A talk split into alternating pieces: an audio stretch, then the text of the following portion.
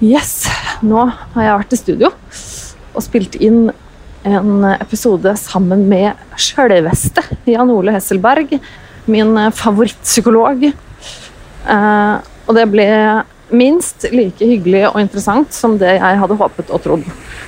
Og en ganske lang eh, samtale, men absolutt ikke for lang. Jeg kunne sitte og pratet med Jan Ole mye lenger. Og vi er innom diverse temaer av både seriøs og useriøs karakter. Og jeg håper at du som hører på, liker denne her like godt som jeg likte å spille den inn. Og så sjekk den ut også på YouTube hvis du har lyst til å se oss sitte og preike. Så ja, kos deg. Kom med gjerne tilbakemelding på sosiale medier, og så høres vi.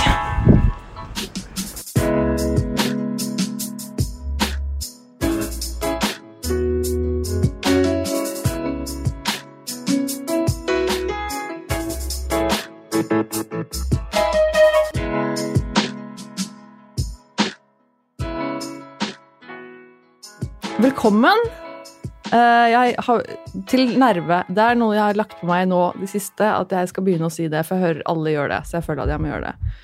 Eh, siden sist har jeg hatt Det har vært 17. mai, og det har vært Eurovision. Egentlig har jeg jo lyst til å si veldig mye om begge deler, men jeg har med en gjest i dag, så jeg skal ikke si så veldig mye om det. Eh, men jeg, har, jeg hadde 17. mai. Den ble litt sånn som jeg tenkte den kom til å bli at det ble veldig lite som skjedde. Jeg var ute en tur, så på folk, så på alle de stygge bunadene, så noen fine bunader. Altfor mye folk, og egentlig veldig lite som skjedde.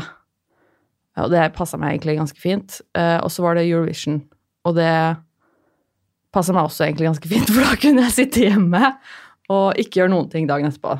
Eh, og nå jeg er så varm. Jeg er jo som frysepinn egentlig, men nå er jeg kjempevarm fordi jeg gikk kjempefort hit, og det er varmt ute. Og nå er det varmt i studio. og Jeg pleier alltid å sitte her og fryse, og nå er jeg varm. Hva skjer med verden?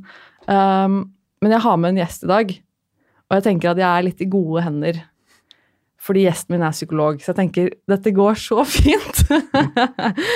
um, og jeg er veldig glad for at dette ikke er live, for da kan jeg tenke litt på at det spiller egentlig ingen rolle hva jeg sier og hva som skjer. Fordi det kan reddes på et eller annet vis. ok, men Og så må jeg bare si, uten å altså, ikke prøve å gjøre alt for kleint for min gjest, men dette er litt, det er litt stort for meg. Uh, fordi før jeg liksom hadde en idé om at denne podkasten kom til å bli en greie, det var liksom bare en sånn Oi, kanskje det kan skje. Oi, kanskje jeg kan lage en podkast. Oi, kanskje jeg kan ha med noen gjester. Det hadde vært kult.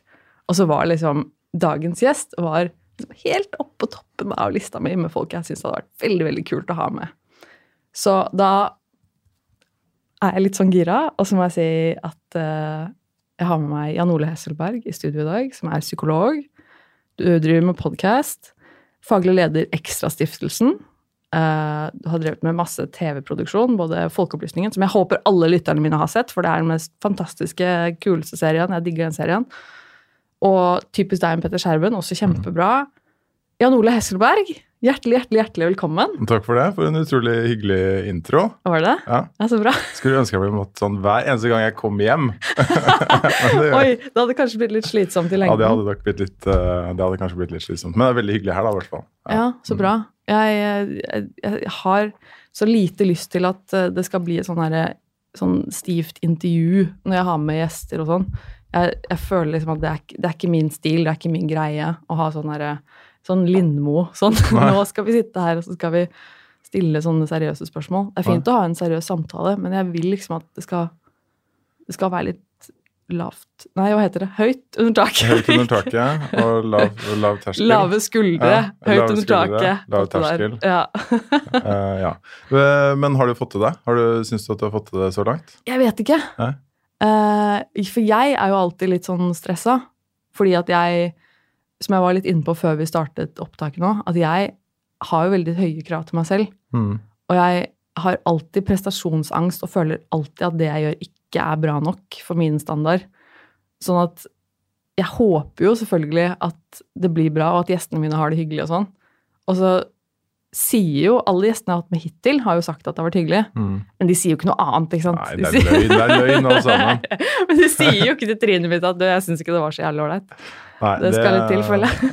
skal litt til. Nei, jeg kjenner meg, igjen i de vurderingene der. Sånn, eh, Det er eh, på daglig basis, det. Så har, kan man kanskje litt i forskjellig eh, varierende grad. Ja. Ja. ja. Jeg tror nok eh, jeg kunne hatt godt av å liksom senke, senke skuldrene mine litt. Grann. Det tror jeg nok. Mm. Har du, hadde du en fin 17. mai?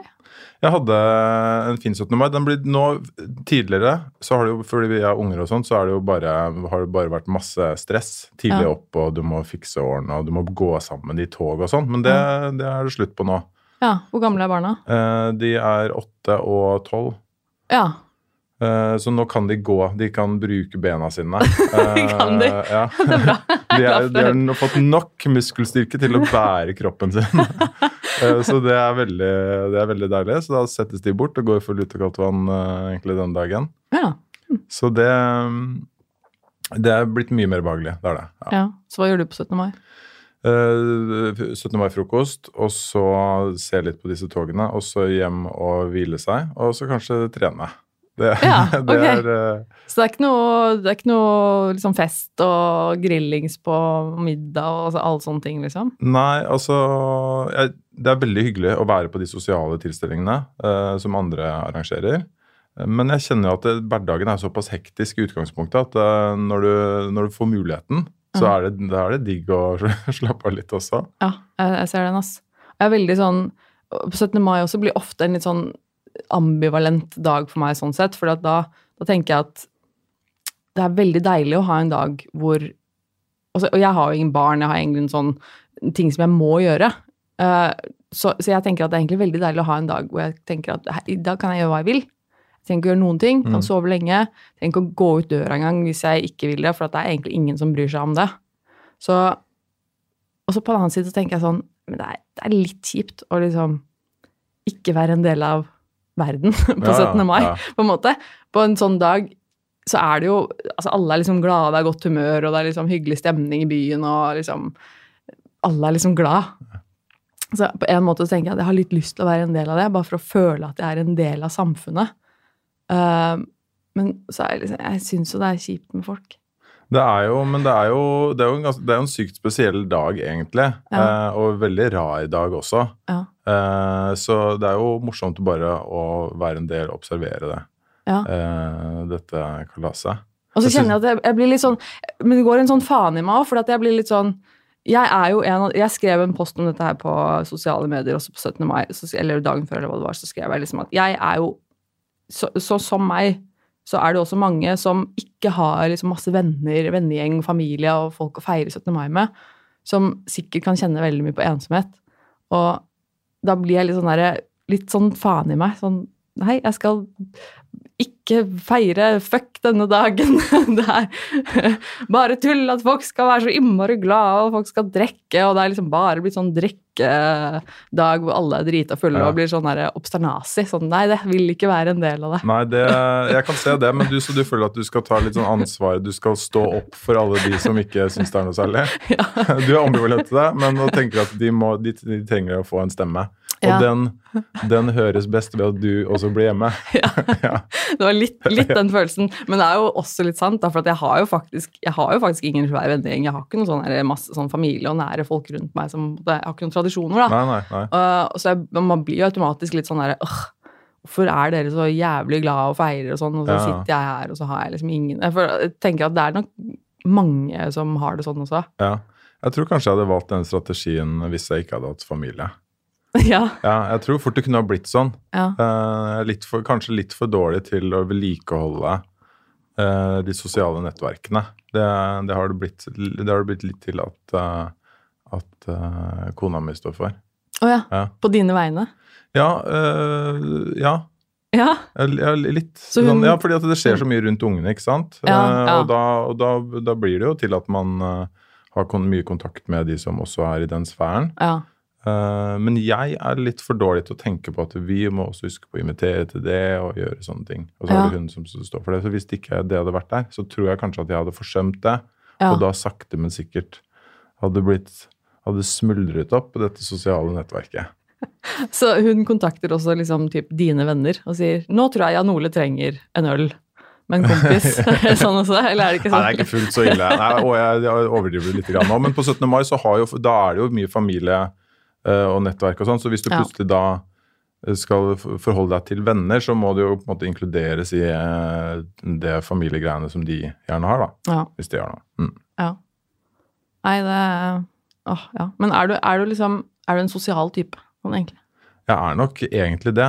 Ja. Uh, det er jeg. Scorer veldig høyt når vi tar sånne personlighetstester og sånn på, på ekstraversjon, da. Ja, så du er litt ekstrovert. Ja, så det jeg scorer veldig høyt på det. Men eh, ja, kanskje det er, det er forskjellige ting å like å være sos i sosiale situasjoner, og det å være god på å vedlikeholde sosiale nettverk.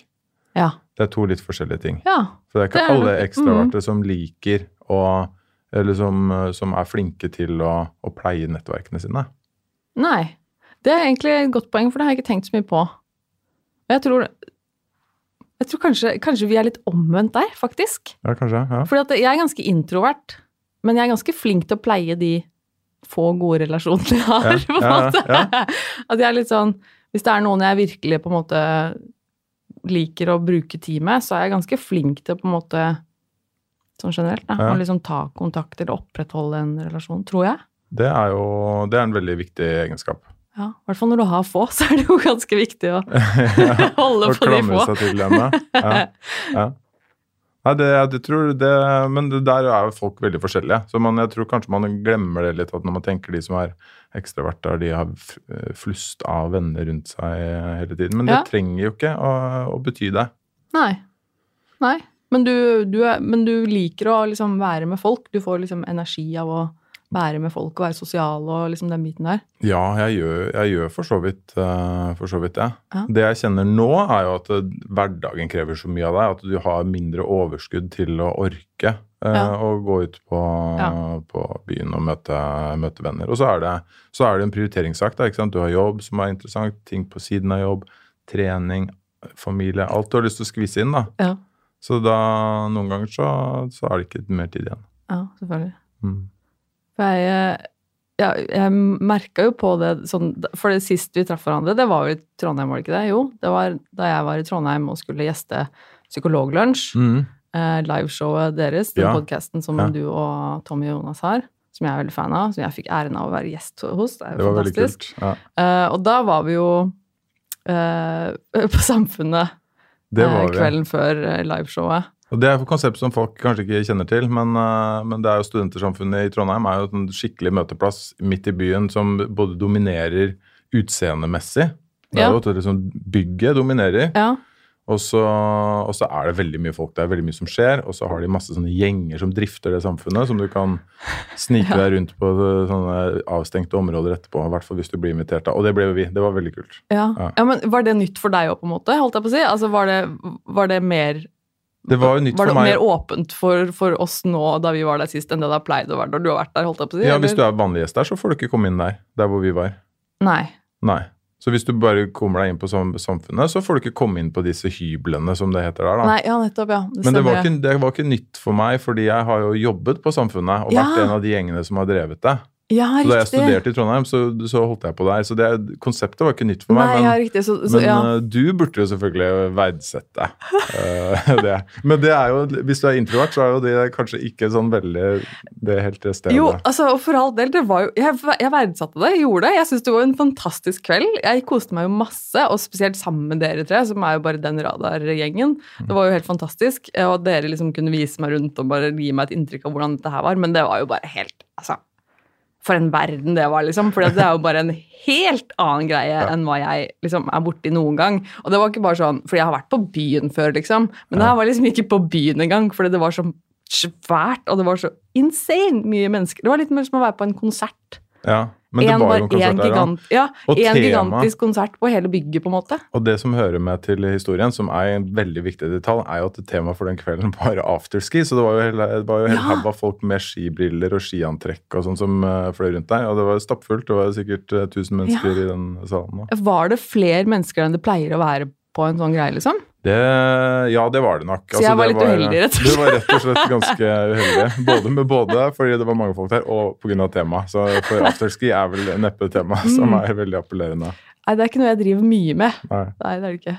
Men uh, det, var, det var en utrolig morsom opplevelse. Men herregud, så sliten jeg ble. Ja. Altså det, for det merka jeg jo veldig godt liksom, på dere. For dere var veldig sånn I hvert fall sånn som jeg oppfattet det, så var dere veldig sånn Yeah, dette er fett og kult og masse energi og liksom drikke litt alkohol og god stemning og sånn. Og for all del, jeg var jo liksom med, men jeg var mer sånn Jeg følte at jeg fløt litt over der og var litt sånn ovenfra tilskuer. At jeg liksom bare sånn Jeg henger meg bare på, og så ser jeg hva som skjer. Ja, ja. Og så prøver jeg liksom å være med. For det, det, det ble liksom så sykt mye inntrykk. da, så jeg husker Da jeg kom tilbake på hotellet og skulle legge meg til å sove, så var jeg helt kake. Det var bare helt sånn Hva skjedde nå, Ja. liksom?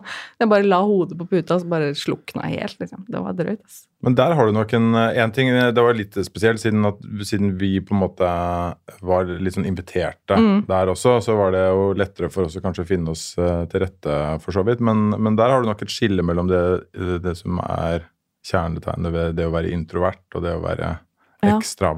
Det er ekstravert, ikke ekstrovert. Ja, er det det? Ja, mm. Ja, Uh, så, uh, så der har du det der skillet, ikke sant? Fordi uh, da jeg kom hjem derfra, så var det sånn Jeg har lyst til mer av dette. Jeg har ikke lyst til å sove nå. Jeg, nå har ja for da var du gira og var helt ja. oppe, liksom. Så det er klokka Shit, fire, og så har du lyst til å egentlig bare holde Ja. på litt mer, da. Ja, det er litt interessant, for da er jeg bare sånn For jeg, jeg, jeg gikk jo før dere, holdt jeg på å si. Gjør ikke det? For dere var ute lenger, var dere ikke? Eh, ja, vi var litt Jeg tror lenge. det. Mm. Så, for jeg kjente på et tidspunkt at jeg var sånn Nå, nå må jeg bare Nå må, nå må jeg gå. Fordi at uh, nå er hodet mitt helt sånn på kok. Så ja, det, det er interessant det der. Mm. At jeg på en måte ble litt tømt, mens dere fikk litt mer energi. Ja. Mm. Men uh, Ja, så det var, det var egentlig det jeg skulle si. At det var da Det var sist gang jeg så det. Ja. Eh, og det begynner jo å bli en stund siden. Det var jo i februar. Mm. Eh, hva driver du med? Siden, hva har du gjort siden da? Har du gjort noe gøy? Uh, jeg jeg syns jo stadig vekk jeg gjør masse gøy. Jeg er jo da ledende fagsjef i en stiftelse som deler ut 300 millioner i året til, til helseprosjekt og helseforskning. Ja. Og min oppgave er å sikre at de beslutningsprosessene er gode. Ja. Eh, det, folk sender inn søknader, og så, så innvilges og vurderes de søknadene. Ja. Eh, Det er en vanlig måte å dele ut penger på. Eh, Og min oppgave er å passe på at det er en god, gjøres på en god måte. Og i den forbindelse så tar jeg også en doktorgrad, da, som i det siste så har mye, mye handlet om den doktorgraden.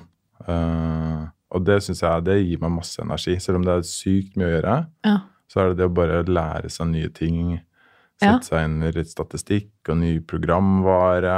Og ja, bare fylle hodet med ny kunnskap. ja. Det er helt fantastisk. Så kult. Å få anledning til å gjøre det i arbeidstiden er også helt, Ja. helt ærlig. For hva, hva er det du hva med, altså, Kan du si noe mer om hva du skriver om? Hva, hva er det det handler om, på en måte? Ja, altså det er innenfor beslutningspsykologi eh, er, Ja. er, det er tema da. Så spørsmålet er egentlig når folk vurderer disse søknadene, vi bruker jo eksperter som skal vurdere det. Ja. Eh, eh, forskjellige eksperter ser på samme søknad, og de, er, de kan være ganske uenige om hva som er god kvalitet. Mm. Og det er jo ikke bra hvis de er fullstendig uenige. Det Mm. betyr at da kan du sende samme søknad flere ganger, og så blir det helt tilfeldig hva resultatet blir. Mm, ja. uh, og det man vet sånn på verdensbasis, er at i sånne prosesser, når man vurderer søknader på den måten, så er det ganske stor uenighet. Mm. Vanskelig uh, å tolke de kriteriene på en lik måte. Mm. Og det er et litt demokratisk, eh, kan være et demokratisk problem. Da. For, så I Norge så deles jo ut milliarder av kroner gjennom sånne prosesser. Mm. Forskningsrådet og Innovasjon Norge.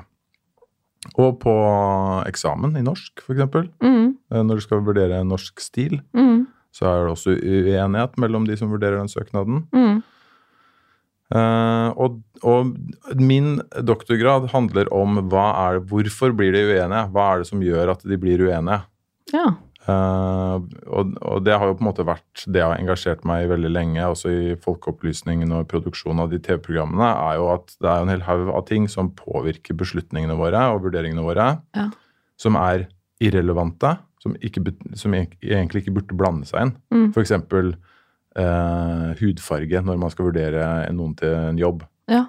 Eh, eller utseendet på personen. Ja. Eh, Så det påvirker, oss, disse tingene som er, ikke er relevante. Og i tillegg så har vi ikke alltid oversikt over dem. Så vi tror at Mm. vi ikke påvirkes av utseendet til de vi snakker med når vi skal ha et jobbintervju, men all forskning tyder, eller mye forskning tyder på, at det gjør vi i aller høyeste grad. ja. Men i de, for eksempel de søknadene som dere får inn til Ekstrastiftelsen, der får dere vel ganske minimal med informasjon om vedkommende som søker, eller? Ja, ja. ja. Det, det vi, eller det, det vil si, ikke- de har jo CV-er og sånne ting, da, men la oss si at vi, hvis vi gjør analyser av våre tildelinger, så ser vi at eh, kanskje menn da, kommer bedre ut av det enn kvinner. Ja.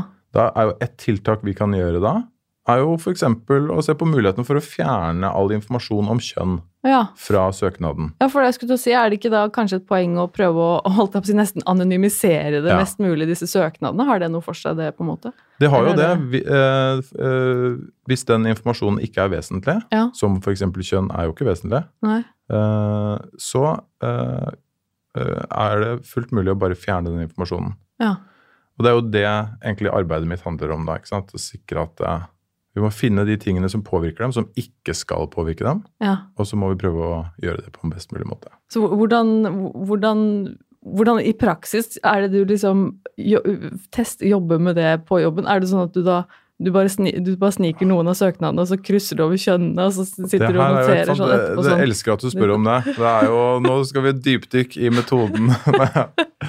Nei da, men uh, Jeg bare ser det, og det hadde vært så gøy om du liksom bare her sitter vi, tar vi den, stryker over kjønnene, og så ser vi på Ja. annenhver sånn, og så ser vi hvordan det påvirker det er, et, ja, men det, er, det er et kjempegodt spørsmål. fordi, um, og det, La oss holde oss til kjønn, da, siden det er et sånt tema som dukker opp i utrolig mange andre sammenhenger. Ja. Um, så uh, la oss si at du finner ut at eh, menn har en litt høyere innvilgelsesprosent enn kvinner. Mm. Så hvis det er en mann som er prosjektleder, så innvilges søknaden litt større sannsynlighet for at den innvilges. Det trenger jo ikke å bety at eh, det er på fordi det er en mann. Det kan jo være at, eh, menn, at det er bare så kjønnet som er utslagsgivende. Det kan jo faktisk være at menn skriver bedre søknader. Mm. Kunne jo, man kunne tenke seg Ja. det. Så det må man finne ut av. Eh, Så det, det, man kan, det som ville vært naturlig å gjøre da, er jo å gjøre en test og se hva hvis vi fjerner den informasjonen fra halvparten av søknadsbunken Mm. et år. Den andre halvparten så har vi den informasjonen. Mm. Blir det forskjellig innvilgelsesprosent da? Ja. Hvis den jevner seg ut uh, når du fjerner det, så er det jo tegn på at bare den informasjonen om kjønnet har hatt, uh, har Ja. hatt påvirkning. Ja.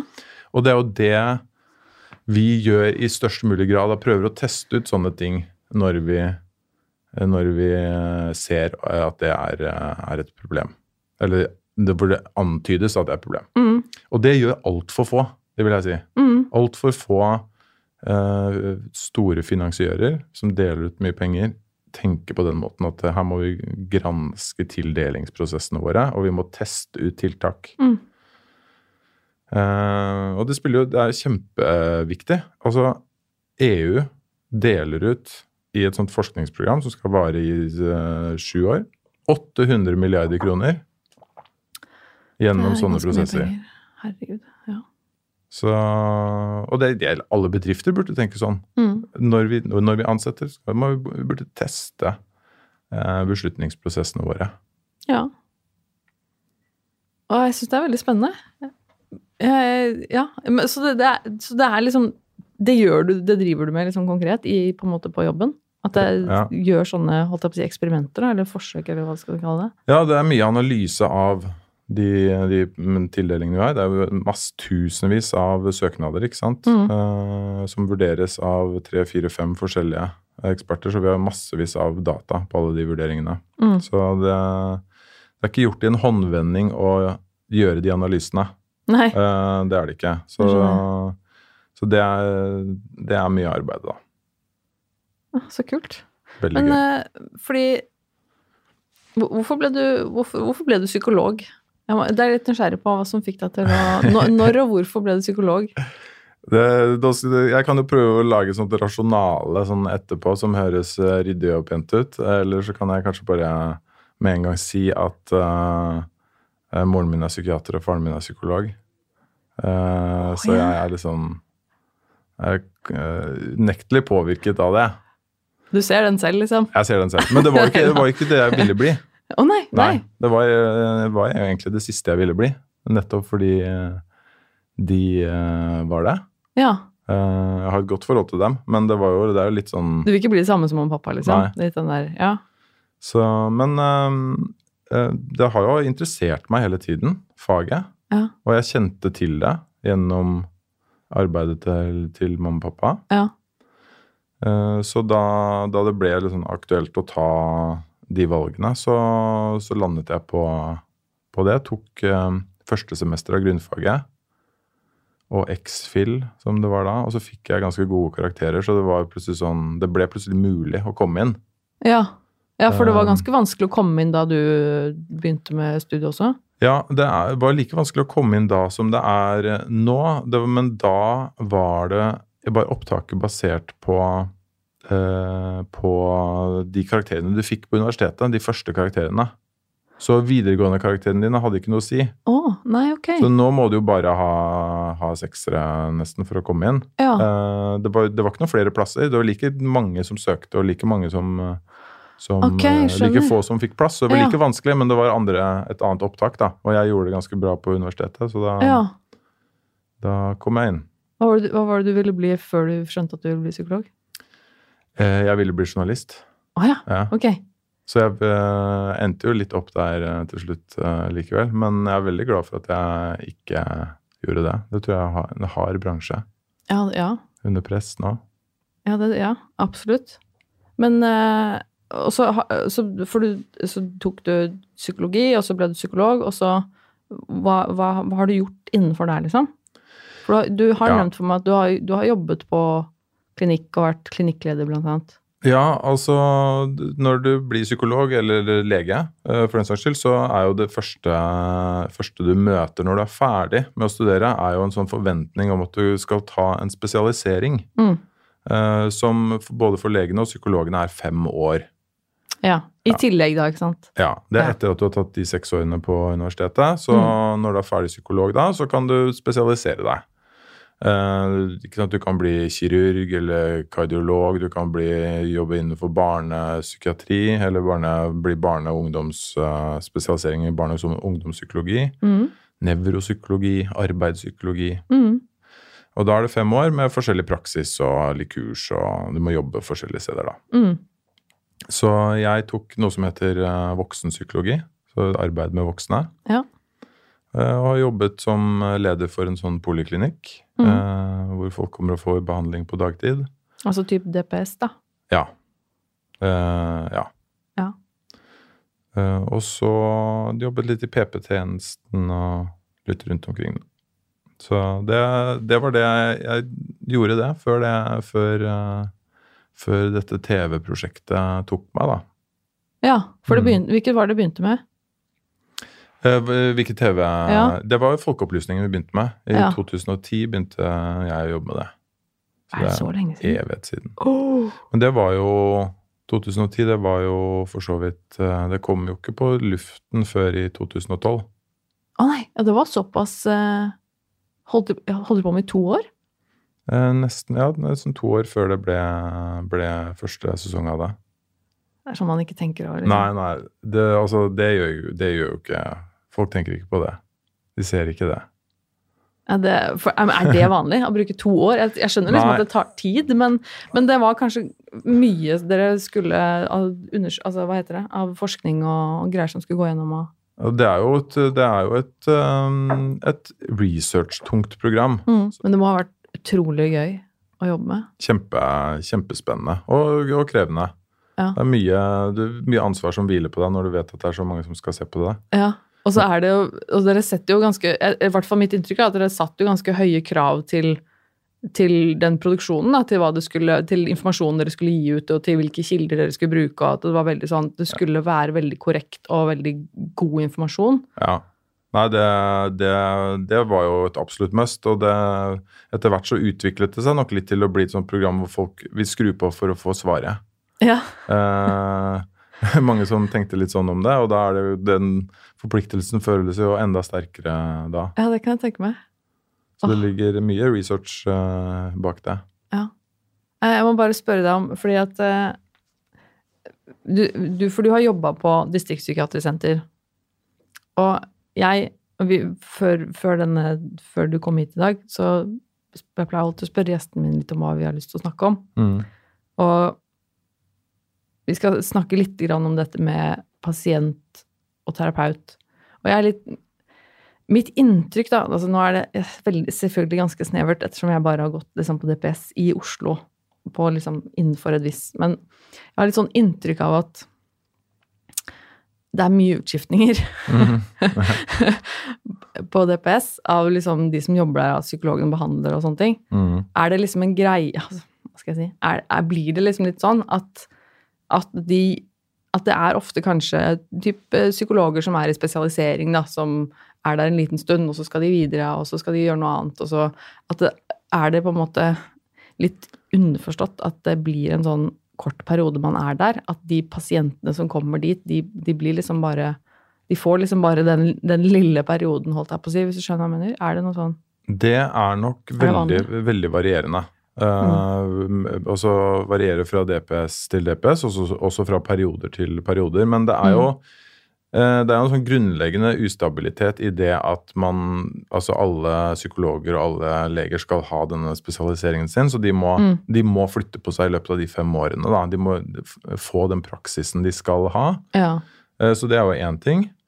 Um, um, men også er jo en annen ting at det er naturlige utskiftninger, selvfølgelig. Ja.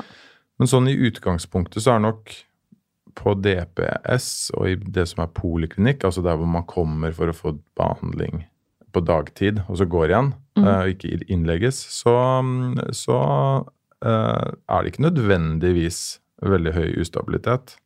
Eh, Jeg har en kone selv som jobber, jobber på DPS, og hun, hun har vært der lenge nå. Mm. Og kommer til å fortsette lenge også. Der har stabiliteten i behandlergruppen vært ganske stor. Så det, ja.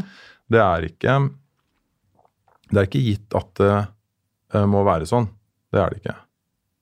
Er det sånn Er det noe sånn på en måte altså, Hva skal jeg si regel på at liksom de, de pasientene som går i behandling på DPS, de Det er liksom på et, annet, på et eller annet nivå forstått at de ikke skal gå der så lenge? Ja, det Er det liksom en, en litt greie om at man helst ikke vil ha dem der så lenge? Altså, Det er det jo en, det er det jo en sånn Selvfølgelig en, eh, en stadig diskusjon om, fordi du, du må ta imot noen nye pasienter. Mm. Og så er det, for at ikke det skal hope seg opp, så må noen også slutte på et Mm. eller annet tidspunkt. Mm, selvfølgelig. Men så har du jo et eh, lovverk som sier at behandlingen skal være innenfor medisinsk-faglig forsvarlighet, og den, den vurderingen må Ja. behandleren gjøre, og kan jo i prinsippet si nei, det, det, vi er ikke moden for avslutning, så det, vi fortsetter. Mm. Selv om da lederen står og sier vi må ha inn noen, eh, få inn noen nye. Ja. Eh, og så er det jo sånn at i helsevesenet som det er lagt opp i dag, så er det jo lagt ganske mye på kommunene. Altså, ja. Eh, så det er jo ikke DPS-ene er jo lagt under sykehusene. Ja. Det er det vi kaller spesialisthelsetjenesten. Og så har du kommunene som er kommunalhelsetjeneste, eller som også kalles primærhelsetjenesten noen ganger. Og tanken er jo at Den overordnede tanken er at du skal bli sendt til spesialisthelsetjenesten når kommunen ikke kan behandle deg. Mm. Og så eh, skal du være der en periode, og så skal du tilbake til kommunen igjen. Ja. Når man er på en måte frisk nok. Ja. Det er, det, er grunntanken. Ja. Og så, og så fungerer det jo veldig godt i somatikken, ikke sant? Fordi, eller i, for da kan du liksom Å ja, du trenger en bypass. Da sender vi deg til eh, Riksen, og så får du bypassoperasjon, og så sendes du tilbake igjen til kommunen din, og fastlegen din følger deg opp. Ja. Mens, eh, mens i psykisk eh, helsevern så er det jo litt mer sånn glidende eh, overganger. ja. Og derfor har man også landet på et sånn disse distriktspsykiatriske sentrene som ikke er på sykehusene alltid, men som kanskje ligger litt, sånn mellom kommunene og der hvor sykehusene ligger, på en måte. ja. Ja. Så, men, men spør du fordi at du, du kjenner litt på det, du, du, har kjent på det? At du, nå er det på tide å liksom runde av her? Nei, eh, egentlig Jeg har hatt heller mer den opplevelsen at eh, for, for, jeg er litt Nei, jeg, for jeg har jo ja, altså jeg har gått på DPS i behandling nå i eh, halvannet år, snart to år. Eh, og byttet behandler noen ganger. Jeg mm. hadde en, først en psykolog som jeg gikk til eh, over et år. Og så byttet jeg fordi han skulle videre i sin spesialisering, så han bytte arbeidssted. Mm. Eh, og så fikk jeg inn en, eh, en ny behandler som var uh, psykiater. Uh, så hadde han et halvt år, og så skulle han slutte. Uh, så nå i våres så hadde jeg enda et bytte og fikk en psykolog igjen. Og jeg gikk til han et par uker, så fikk jeg vite at mest sannsynlig så skulle han også slutte, fordi han bare hadde midlertidig kontrakt. Um, nå har han heldigvis fått jobb ut året, så det er veldig fint for han og for meg, for da vet jeg at da blir det kanskje ikke noe bytte med en gang. Men uh, men jeg opplevde jo det som litt eh, vanskelig i forhold til det med at han eh, Den forrige behandleren jeg hadde, jeg syns jo det funka veldig dårlig. Eh, fordi at det, bare Jeg klarte ikke å liksom jeg klarte ikke å stole på han, det er feil å si, egentlig. For jeg vet, jeg, vet, jo på en måte at han, at han er profesjonell, han har masse erfaring han vet helt sikkert hva han driver med, men jeg klarte ikke å Det, det matcha ikke, da, mm. for å si det helt rett ut. Jeg, jeg, fant ikke noen måte å snakke med han på som jeg følte at liksom var, var, bra. Jeg klarte ikke å kommunisere med han på en ordentlig måte. Jeg følte ikke at han forsto det jeg prøvde å kommunisere. Jeg følte at det han sa tilbake til meg, var liksom bare Det er ikke det jeg vil høre, og han fokuserte helt på feil ting for, for, meg, da. Jeg følte liksom at Men nå sitter vi bare og fokuserer på noe som jeg mm. ikke føler er viktig å fokusere på. Og så prøvde jeg å formidle det, men så var ikke han enig i det, kanskje. Eller, altså, og så ble det bare en sånn kjempedårlig match. Og da mm. sitter du i den situasjonen hvor du tenker sånn Ok, men øh, jeg Dette her funker ikke, tror jeg. Men jeg vet også samtidig at Men jeg trenger den behandlingen, da. For at jeg er ikke ferdig med å bli behandla, si. Sånn at det, hva, hva, hva, gjør man da, liksom? For da, du, da, sitter du jo i en jævlig kjip situasjon. For da, som pasient, så tenker du liksom at jeg trenger, behandling, jeg trenger behandling. Uh, jeg må ha den behandlingen, men det her behandlingen jeg får nå, den funker ikke. Mm. Men så er det også hele tiden sånn, i hvert fall jeg, da, jeg kjente veldig på den der, men, men gjør det egentlig det? Hvordan, hvordan, vet jeg egentlig at det ikke funker? Det er jo også et spørsmål. Ja. For det er jo ikke lett å vite det. At som pasient så skal jeg sitte og vurdere min egen situasjon så, ja. så objektivt, da, og liksom si at nei, denne behandlingen funker ikke. Ja, Kanskje er det magisk bra behandling du får, du bare ser ikke Ja, men jeg tenker sånn jeg, jeg, jeg går veldig sånn i mitt eget hode, da, for da tenker jeg sånn Men jeg er ikke profesjonell min behandler er profesjonell. Mm, mm. Så han, jeg må jo på, på en måte, til en viss grad så må jeg stole på at han vet hva han driver med når han behandler meg. ikke sant? Jeg må jo stole på at han, at han, at han vet litt hva som skjer. da. At han har litt oversikt, på en måte. Og så må jeg på en måte ha tilliten nok til å, til å stole på det. Sånn at hvis han sitter der og mener at denne behandlingen er kjempebra, eller denne behandlingen tror jeg er riktig for deg, så blir jeg litt usikker som pasient. Så tenker jeg sånn Men jeg føler egentlig at dette her går litt dårlig. Men er det bare fordi at behandling er vanskelig? Mm. Eller er det fordi at behandlingen faktisk ikke funker? Men det jeg skulle fram til, var at jeg egentlig bare følte at jeg visste at uh, Jeg visste at jeg trengte mer behandling, men følte egentlig at de ikke ville ha meg på DPS. At det var litt sånn ja. De ville egentlig bare sjøfle meg videre, for da var det litt sånn Skal vi For det var hele tiden et, Over et halvt år så var det egentlig bare snakk om at litt den 'du skal ikke være her, du, vi skal få deg til et annet sted'. Og så var det liksom henvisning hit og dit, men jeg kom ikke inn der og jeg kom ikke inn der pga. komplekse sammensetninger av problemer. Så det var litt sånn kanskje gruppe, kanskje uh, gruppe der, kanskje gruppe der. Kanskje avtalespesialist i private, kanskje det var ditten og datten. Og så var det litt sånn 'men du må bare velge'. Og så var det sånn Ja, men jeg altså, altså, det var bare et sånt sammensurium av kaos, men jeg satt hele tiden med den der følelsen av at det bare er utskiftninger på DPS og de egentlig bare putter meg på, på de som skal skiftes ut, fordi at de vet at ja, vi skal ikke ha henne her. Ja. Og så fikk jeg liksom den følelsen av at ok, DPS, der er det liksom bare de, Det er liksom bare Det er ikke, det er ikke meningen at du skal gå der. Det er liksom, de, de vil ikke egentlig ha meg der, Nei, sant, for å si si ja. det veldig stygt, da. Men det var litt sånn, jeg fikk den følelsen av at de vil følelse. bare ja, de Ja. vil egentlig bare bli kvitt meg. For nå er det bare et spørsmål om hvor du skal. Ikke at du skal få behandling her og nå, Ja. på en måte.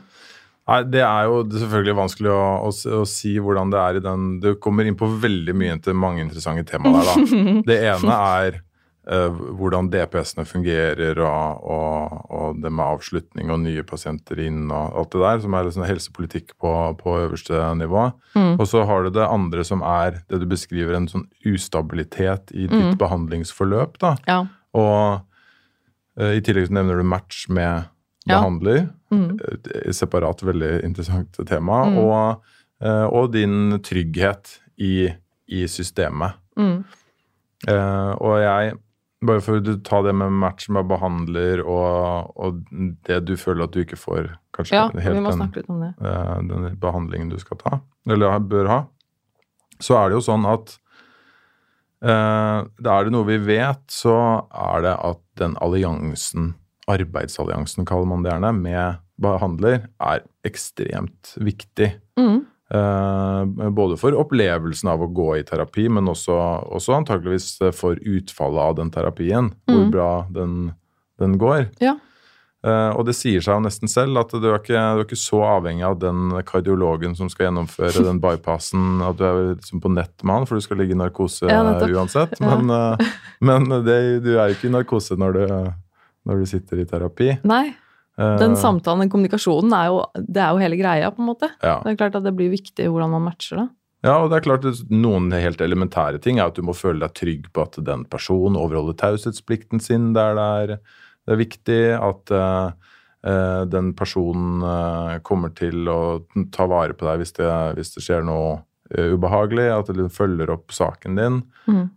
Og i psykisk helsevern så er, man jo stort sett på sitt aller, aller såreste når Mm. man, når man inngår i det, eller går inn i det behandlingsforløpet. Mm.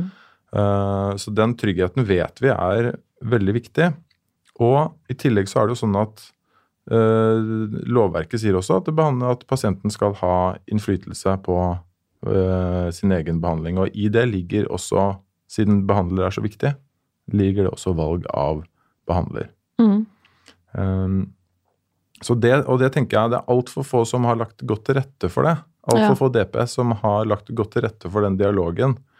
Uh, de tenker på det når de fordeler pasientene mellom behandlerne. Så tenker de ofte på det. Eller hvem er det som har kompetansen sin på forskjellige steder og sånn. Så de matcher jo på en måte, prøver jo Mm. å lage en match. Men den personlige matchen kan de jo ikke Nei, det vet man jo aldri, måte. vite så mye om. Mm.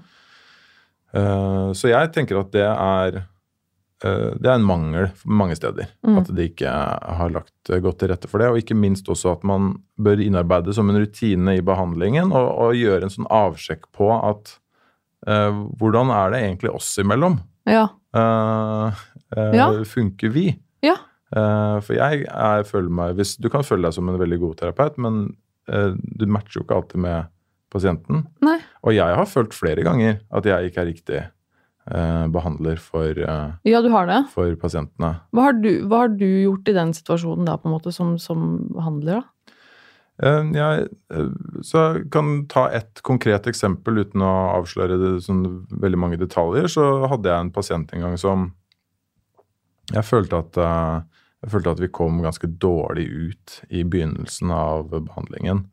Eh, at det ble Jeg ble litt sånn Jeg ble kanskje litt uh, uh, lot meg irritere litt av en del sånne holdninger. eh, Sånn politiske holdninger. Ja. Uh, og så Og det ga seg kanskje utslag i at uh, I måten jeg var på. Ja. Uh, jeg vet, vet ikke om det, ga, om det var sånn veldig tydelig, men, men jeg følte iallfall at her, nå har vi kommet på liksom litt skjevt ut. da. Mm. Og, og vi er ikke her for å diskutere de tingene. Vi diskuterte det heller ikke, men det ble en litt sånn det la litt sånn trykket stemning i, i behandlingsrommet. Mm. Og da, da spurte jeg om det. Eh, etter tre-fire timer så sa jeg at jeg føler kanskje at vi har kommet litt skjevt ut. Hadde Jeg tenkt på det og åpnet den timen med å, å ta det, da. Ja. Eh, og hva, hva Stemmer det? Har vi kommet skjevt ut? Føler Mm. du det? Mm. Eh, og er det noe vi kan Tenker du at vi kan gjøre noe med det?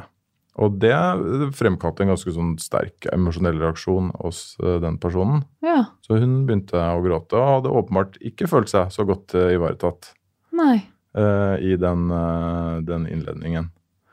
Nå landet det på at vi, vi valgte å fortsette, for det ble ganske forløsende. Mm. Ja, ikke sant? For det, hjalp å bare snakke Ja. om det. Mm. Så det var ikke, behov, eh, var ikke behov for noe bytte, men det ble adressert. Mm. Og hun hadde, fikk en mulighet til å si noe om det. Ja.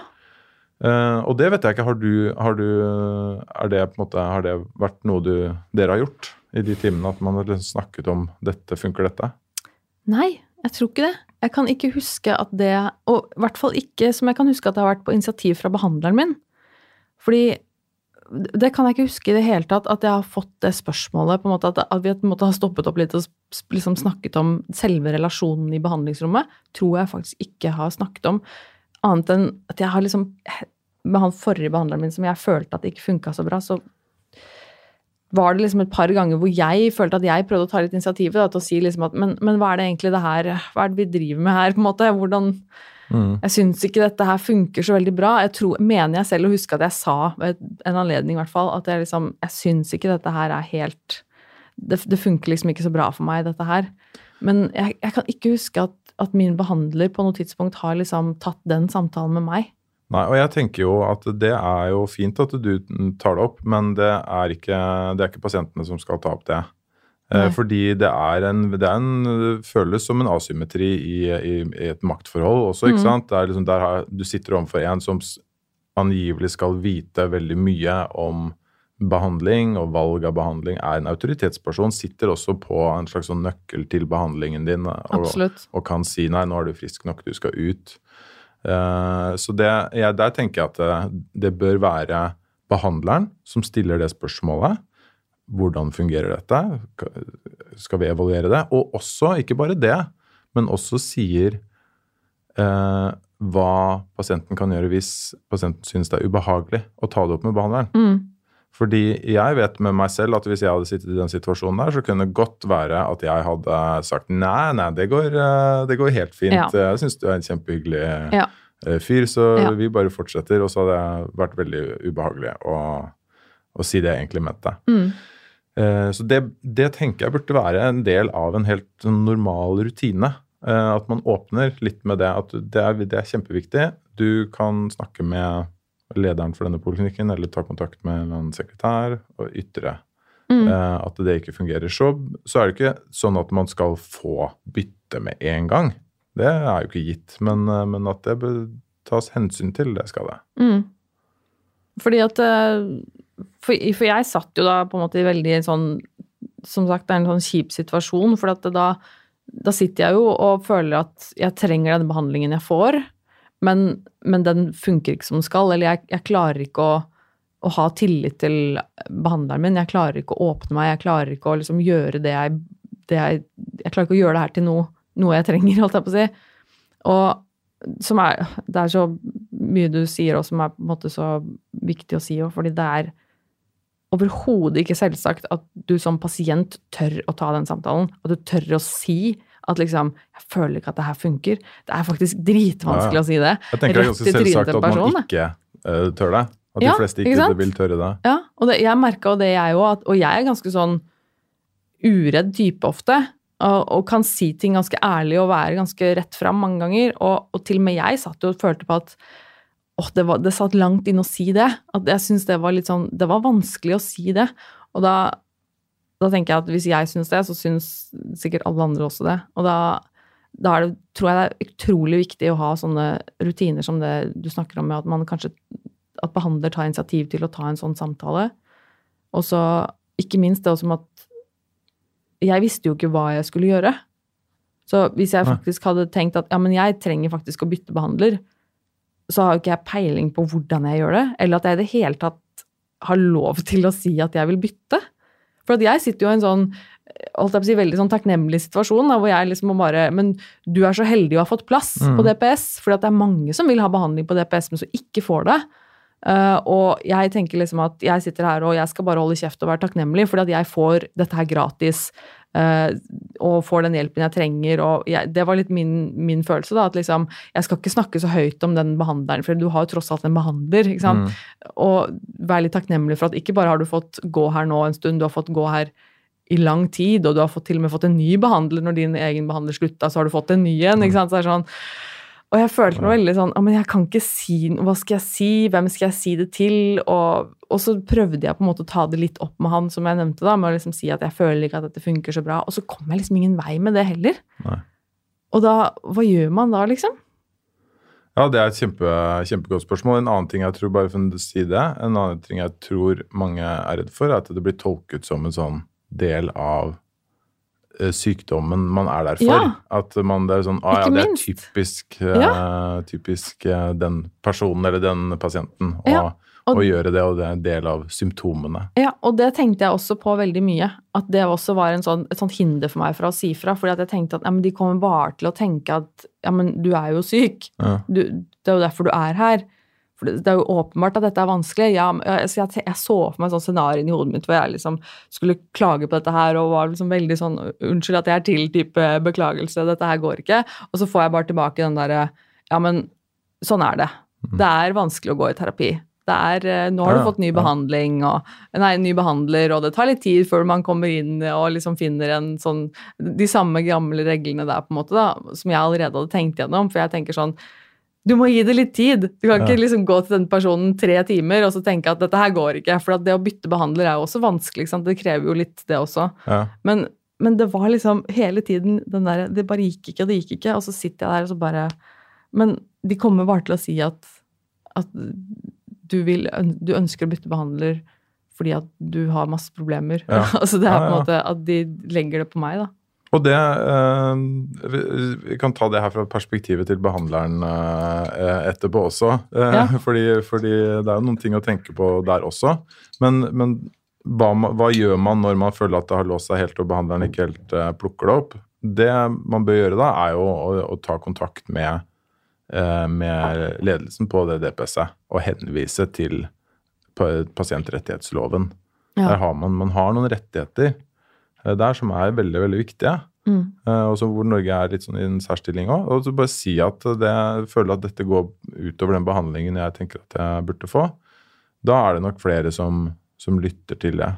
Mm. Men det må man vite, da. ikke sant? Og Ja, når man man, er man på på sitt svakeste, så er, sitter man ikke og blar i helselovgivningen Nei. eh, på fritiden. Det gjør man ikke da.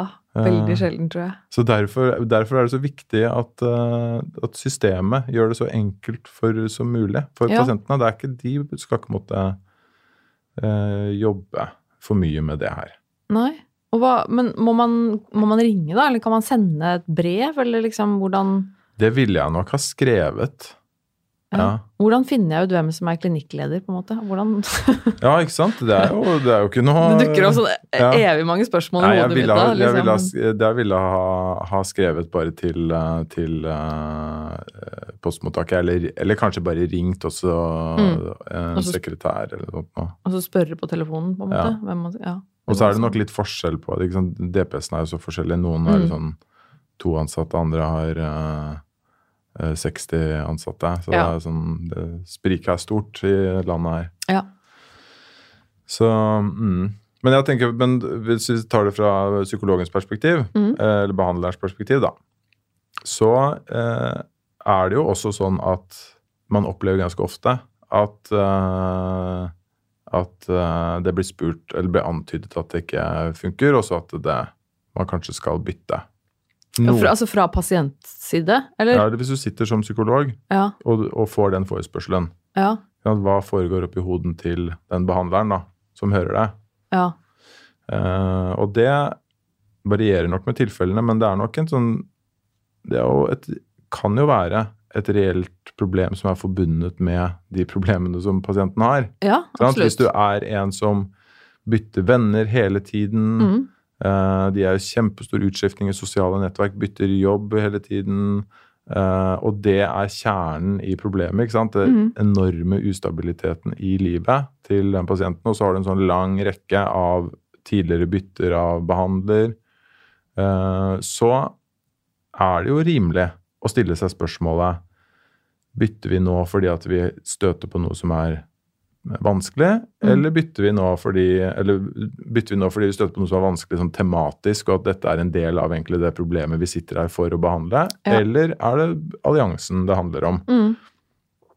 Og det er jo ikke alltid en lett vurdering å gjøre. Nei. Så man kan ikke forvente nødvendigvis som pasient at det Det er jo et samarbeid. Det er ikke pasienten som skal diktere alt som skal skje. Absolutt. Eh, så, så det er jo ikke rart at, man, at, man, at de spørsmålene også blir stilt.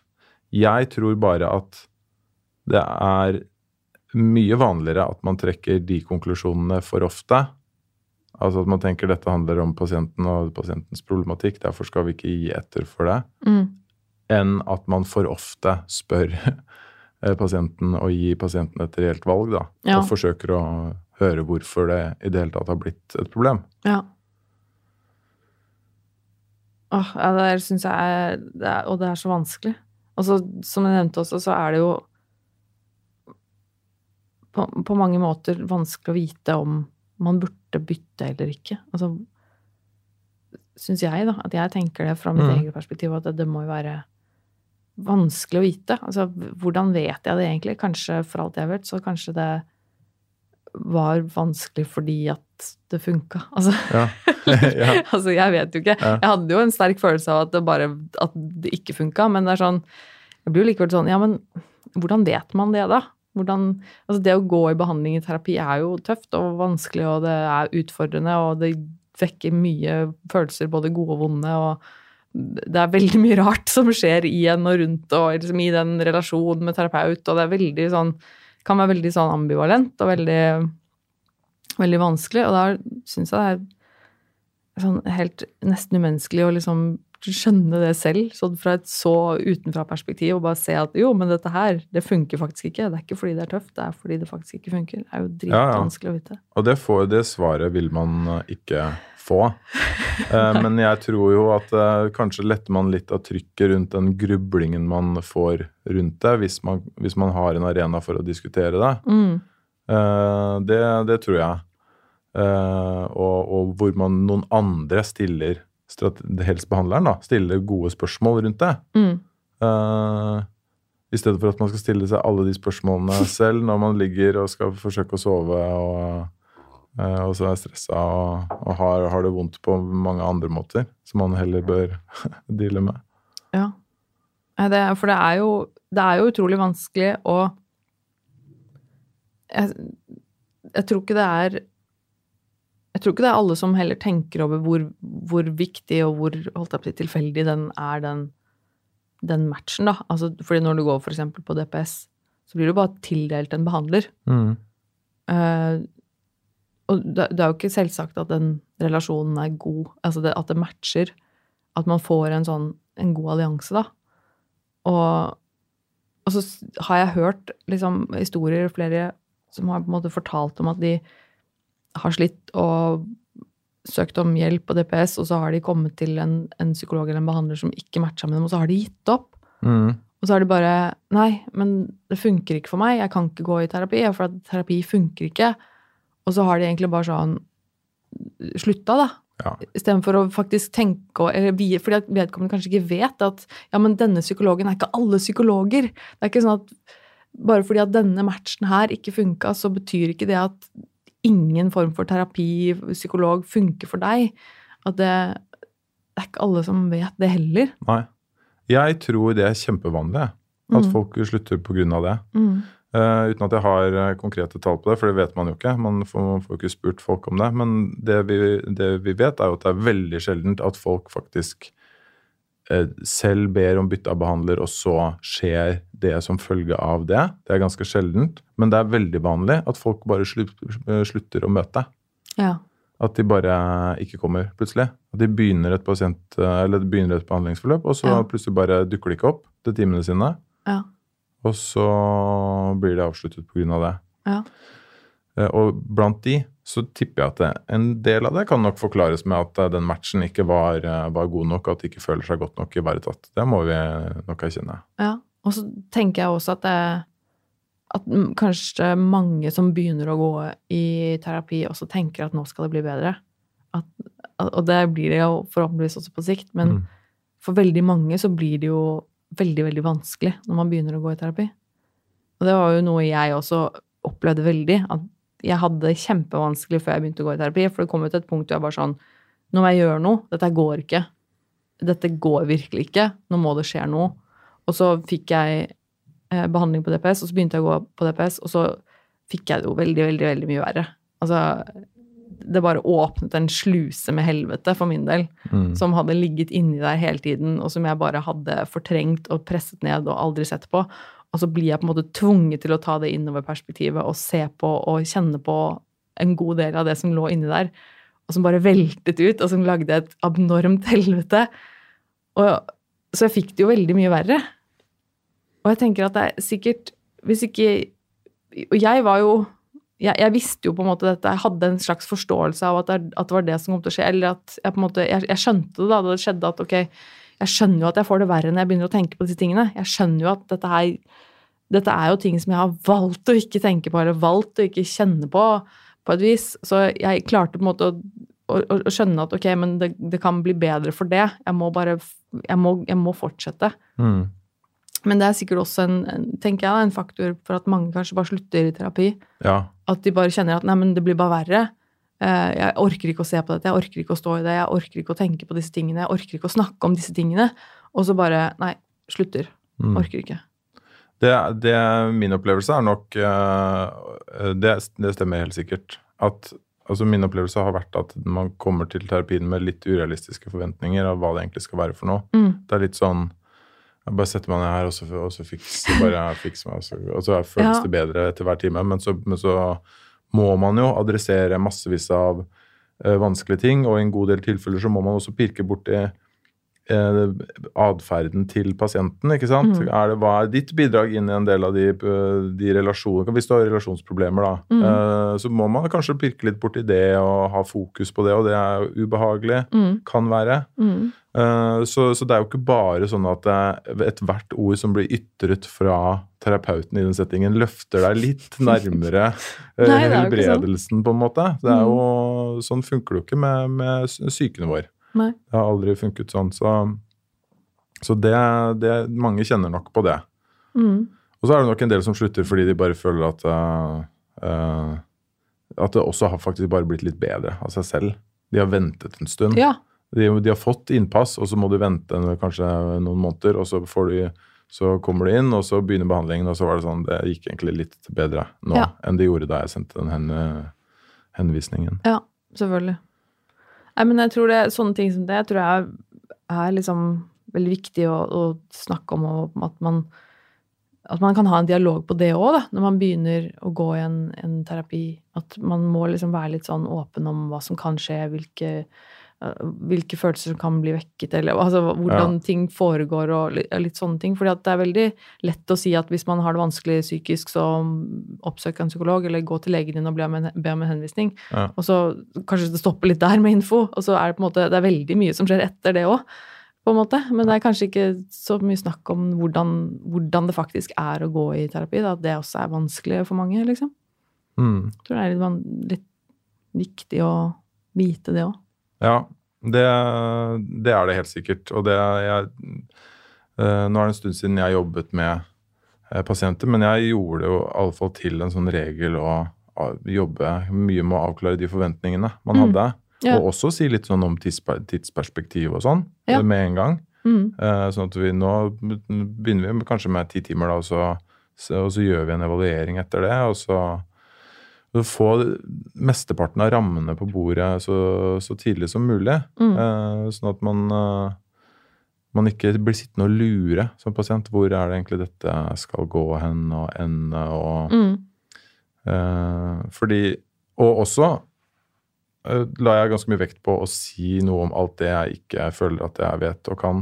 Eh, fordi det er en veldig usikker prosess. Vi har Mm. ikke, vi har ikke manualer for, eh, for Det finnes manualer, men de er stort sett ganske utilstrekkelige, da. Ja. Eh, Så, så det er masse man ikke vet, og i veldig mange tilfeller så finnes det ikke noe svar i, i forskningen heller på, på hvordan man skal gå fram.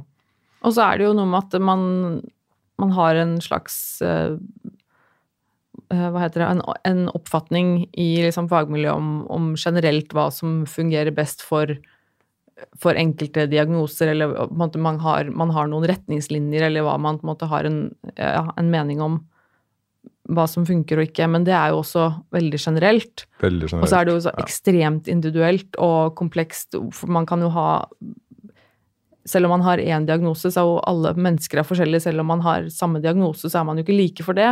Og så reagerer man på helt forskjellige ting, og så har man kanskje sammensatte diagnoser, og så flere ting. Ja. Og, så det er, jo, det er jo ikke på en måte som at du brekker beinet, og så vet man på en måte ganske konkret hva vi skal gjøre med et brudd, selv om det kan være et komplisert brudd, og man må kanskje eksperimentere litt, holdt jeg på å si. Mm. Men det er liksom Jeg føler at med, psykiatri da, så blir det på en måte så ekstremt kompleks i enkelte tilfeller at det, det på en måte det, det finnes, som du sier, det fins ikke nødvendigvis noe, noe oppskrift eller noen løsning eller noe alltid. At man, eh, man må liksom Selv om du som psykolog som fagperson har, og har mange år erfaring og vel, vet veldig mye, så ikke nødvendigvis at du vet hva som er to, de to, to strekene Nei, overhodet ikke. Og jeg tenker jo det er en, det er en svakhet. Jeg syns kanskje at leger og psykologer i, i for, grad, stor, for stor grad har liksom solgt inn det bildet at det fungerer litt sånn som i somatikken. da. Mm. At du får, ok, du får denne diagnosen, det betyr at du skal få denne behandlingen.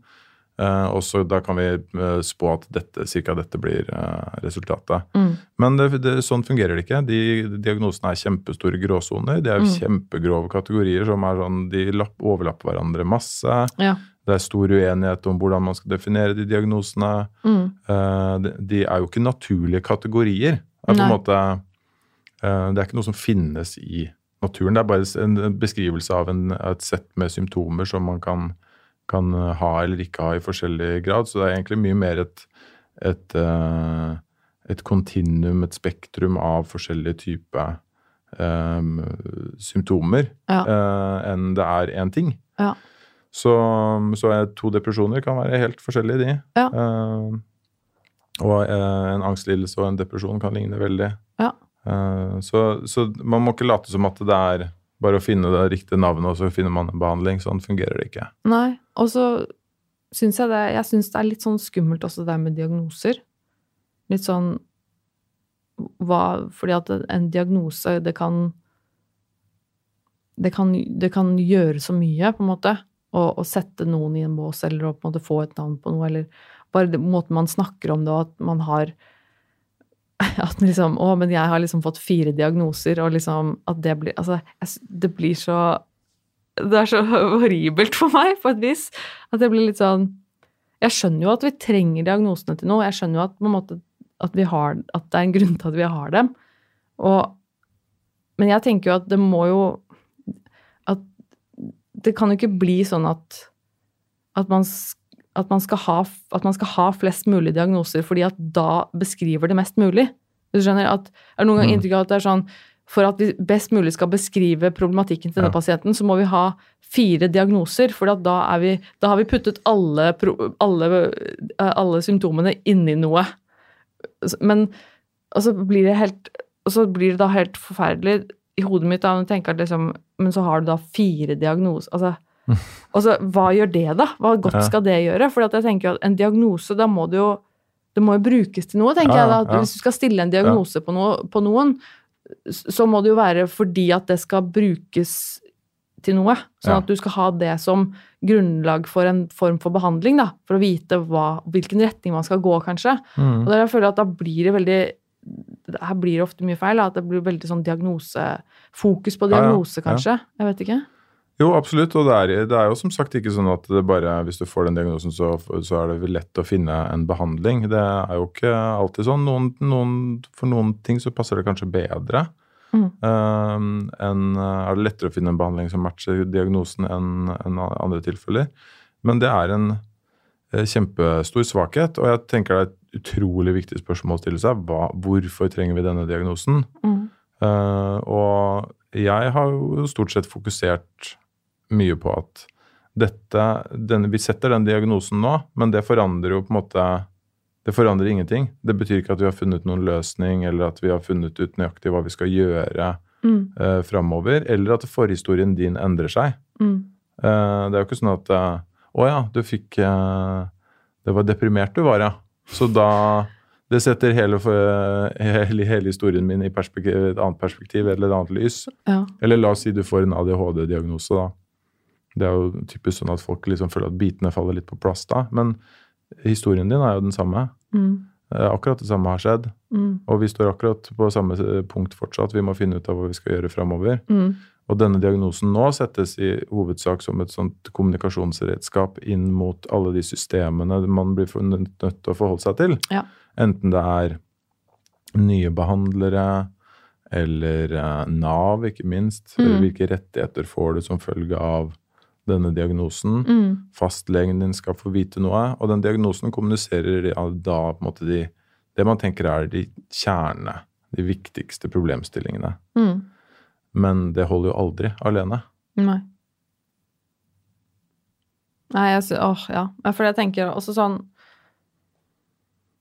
Rundt øh, åpenhet, da. For jeg er litt nysgjerrig på det i forhold til hva du tenker om det. Jeg er jo veldig sånn for åpenhet. Veldig. Jeg tenker at åpenhet er supert.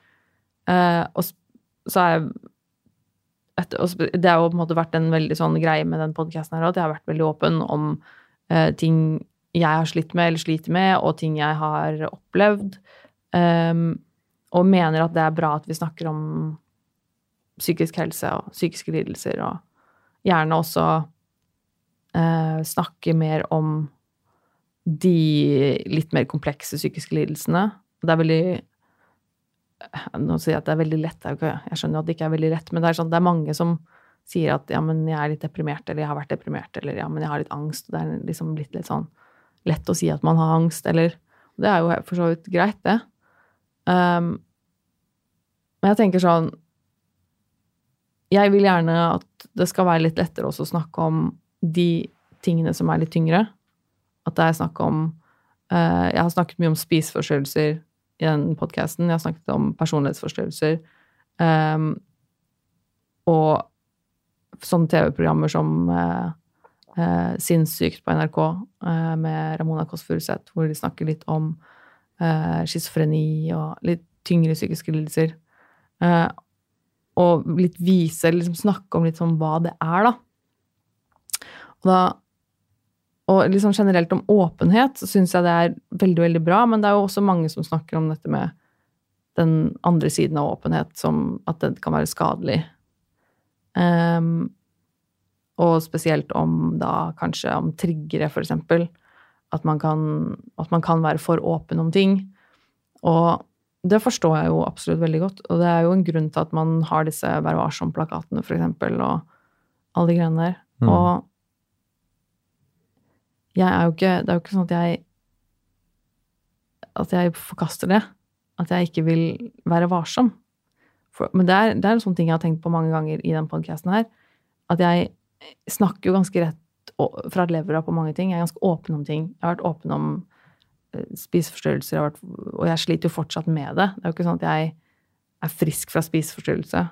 Og det er jo fortsatt noe som, mye som foregår i hodet mitt som handler om det.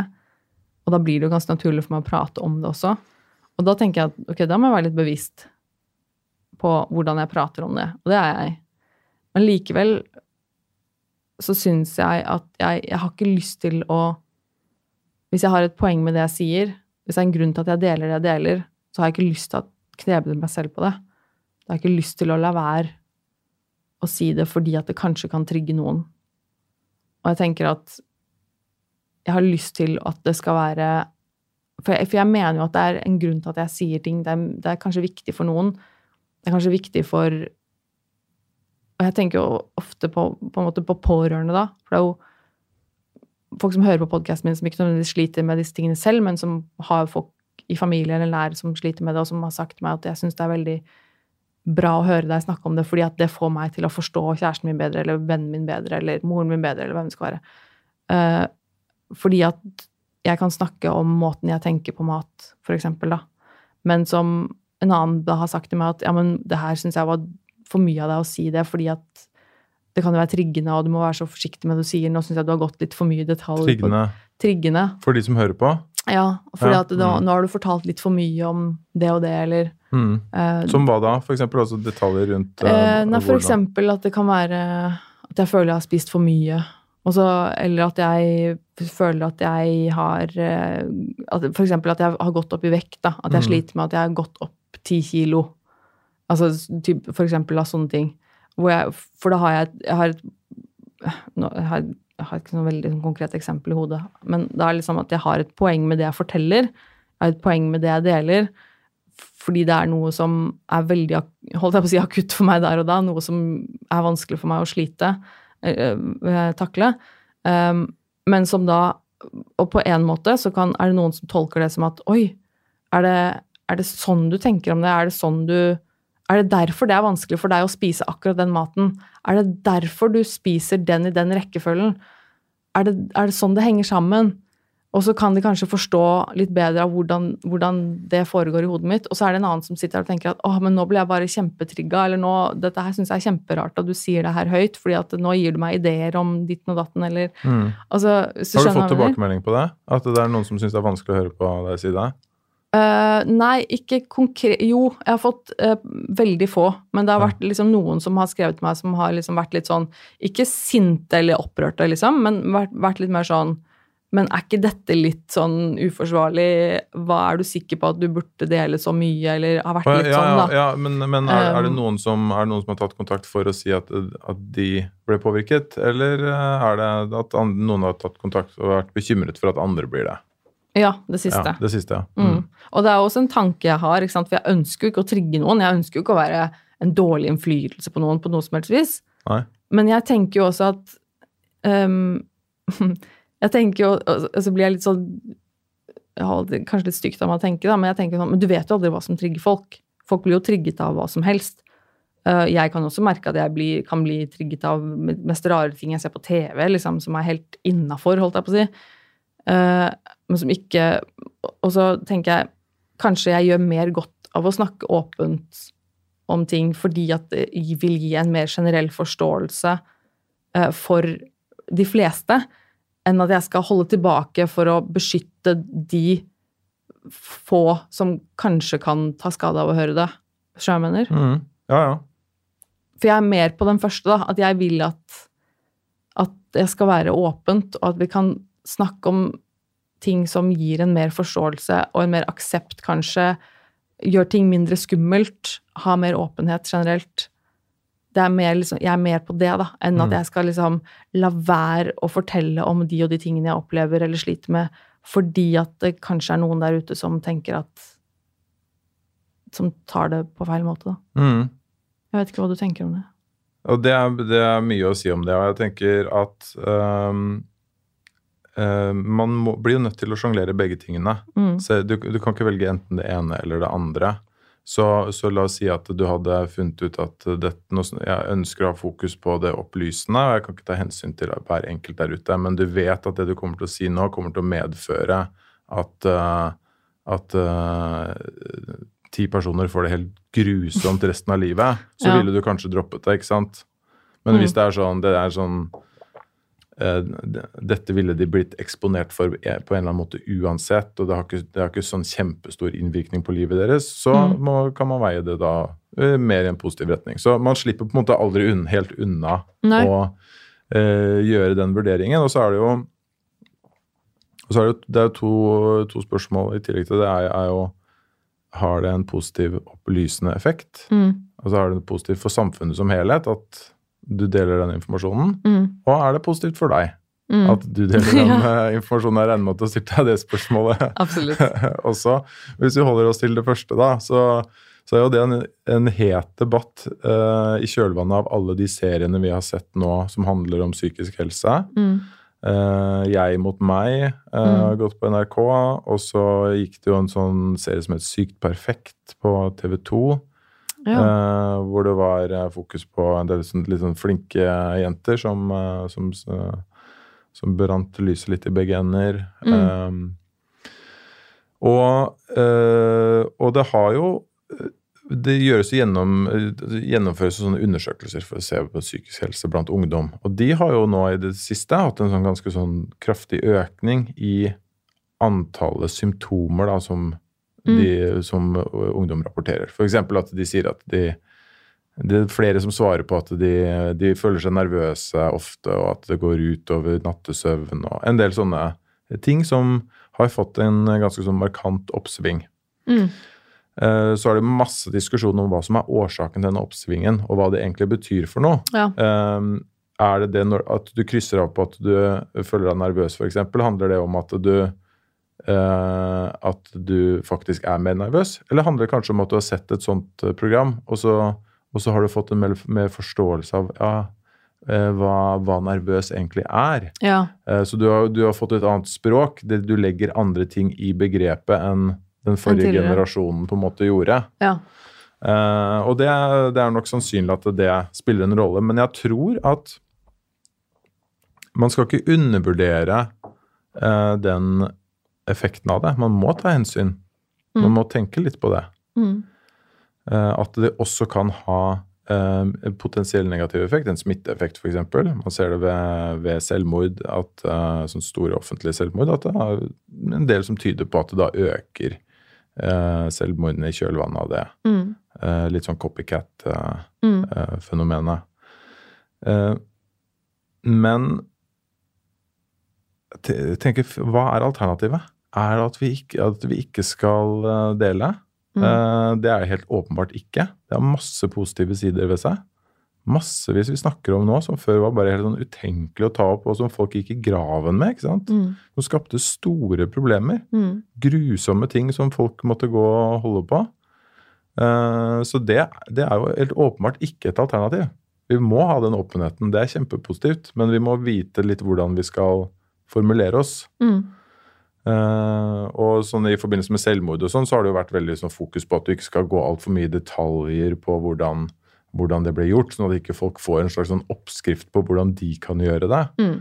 Uh, og at man fokuserer på litt om de uheldige sidene ved det. Så jeg ville jo tenkt at i ditt tilfelle, hvis du snakker om det vanskelige med uh, å, å spise, og om at du må gjøre ting i en bestemt rekkefølge, at det også pakkes litt inn i et større budskap. Ja. Og det, det vet jeg jo at du tenker på. Ja. Ja. Ja, jeg gjør det. Jeg tenker jo på det. Jeg, jeg Det er jo en Som du sier, det blir jo et sånn du, du, du blir en sånn mellomting. Du må få liksom finne en, en balanse, og det er jo Men jeg syns jo det er vanskelig. For det, det er jo ikke noe riktig og galt svar, syns jeg. Det er på en måte ikke noe Og så vet man jo ikke. Du kan ikke, du kan ikke vite det, hvordan det kommer til å påvirke samfunnet eller de som hører på, eller meg selv. Du kan ikke vite det med Nei. sikkerhet, så du må hele tiden Det blir jo en sånn løpende vurdering hele Ja. tiden. Eh, Det blir jo det. Men jeg syns det er bare interessant å høre hva du tenker da, sånn, i den forbindelse, på grunn av at du er liksom Jeg er på en måte litt mer sånn på pasientsiden, holdt jeg på å si, Ja. og så er du litt mer sånn fagperson. Så det tenker jeg det er interessant å høre om. Men eh, Ja, nei, og jeg, det, jeg tror at det er viktig å stille seg de spørsmålene. Jeg syns ikke det er riktig å, å bare tenke at all åpenhet er udelt positivt. Det er helt åpenbart. Det, sånn fungerer jo ikke verden. Det er jo ikke sånn at, alle, at noe, det finnes tiltak som bare er sånn, sånn kun positive benefits for alle i hele verden. mm, Uh, så det, man må tenke på det. Men jeg er jo litt nysgjerrig på hva du tenker da, sånn eh, for din egen personlige del. Fordi det å, det å bruke tid på dette og eksponere seg selv og Jeg vet jo det min, for min egen del. Når jeg går ut i media og kanskje skrevet et eller annet som jeg mener en kronikk eller noe sånt, og så tenker jeg at dette var liksom supervelformulert og kjempebra, og så plutselig Ja. kommer det noen som er uenig. ja. og som er uh, syns at det du har skrevet, er skikkelig teit. Ja. Uh, da, da tar jeg meg ofte i at uh, jeg reagerer overraskende negativt på det. Ja. Og at det shit, og plutselig så kan du jo ta deg selv i å angre på at du skrev det i det hele tatt. Ja. Eh, og det er jo en belastning. Ja. Så hvis man svinger veldig mye på det uh, du, du spiller inn episoden, og så slipper du den, og så bare Nei, hva var det du gjorde? Vet du, Dette har- koster meg masse. Ja. jeg har faktisk uh, ikke Jeg tror det har vært kanskje ett tilfelle, kanskje én episode, hvor jeg liksom har tenkt at nei, den her har jeg ikke lyst til å gi ut. og så har jeg gjort det likevel. Mm. For eh, jeg har folk rundt meg som sier at jo, men dette, jeg tror det blir bra. Um, men det overrasker meg egentlig ganske mye. Uh, at til nå så har jeg ikke angret på noe av det jeg har delt. Uh, Det er et godt tegn. ja, men og samtidig så vet jeg jo ikke Jeg vet jo ikke om jeg kommer til å angre på det på sikt. Om jeg kommer til å angre på det seinere. Jeg ser tilbake på bare herregud og mye jeg bare utleverte, og som bare folk vet nå, som de kan søke opp og høre på, og som jeg har sagt, og som jeg bare Å, skulle aldri gjort det. Jeg, jeg tror ikke det kommer til å skje. Men, for, for det er jo sånn at jeg Jeg deler jo veldig mye personlig, men jeg har en jeg har en ganske tydelig grense for meg selv for hvor det går over til å bli privat. På, liksom, på ting som er sånn Nei, dette er, dette er for meg. Dette er ting jeg Jeg kan snakke om ting på en måte. Og jeg kan snakke om mye personlig, og jeg deler veldig mye. Men jeg vet jo også at det er ikke alt som er noe vits å dele. Og så vet jeg også at det er veldig mye som jeg ikke har lyst til å dele. Mm. Um, og jeg, per nå så har jeg nok klart å holde meg litt innafor den Innafor den, eller utafor, hva skal jeg si, den grensa, da. Um, men jeg har faktisk men, men jeg vet ikke, det kommer nok Det er nok kanskje litt også fordi at jeg, jeg får Jeg får ikke Jeg har ikke til nå fått mye kritikk. Nei. Jeg har eh, de tilbakemeldingene som jeg får fra lyttere og folk som, som har hørt om eller som hører på, har vært nesten udelt positivt.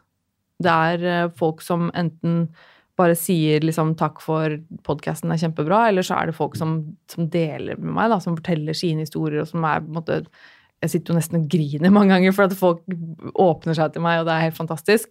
Det er jo kjempe, det er kjempe, kjempehyggelig, og det setter jeg så stor pris på. Og det er jo mye av det som får meg til å fortsette òg, fordi at det gir meg motivasjon. Da. Når folk sier at ja, men det her har gjort så mye for meg, det du sier, det betyr så mye for meg, så gir det meg litt en motivasjon til å fortsette. Fordi det å lage den podkasten her, det er jo det jeg merker med den, at det er vanskelig, da. Mm. At jeg har mer den istedenfor Istedenfor å angre etterpå på at jeg har fortalt ting, så er jeg sånn at jeg går og gruer meg før jeg skal spille inn. Jeg, jeg, kanskje det er derfor at jeg gjør meg liksom ferdig med det på forhånd. Ja, ja, ja, det, At det ligger gode vurderinger bak. Det er omvendt hos oss. Men. Vi, vi tenker for lite på det før vi setter Ja, for jeg tenker veldig mye på det på forhånd.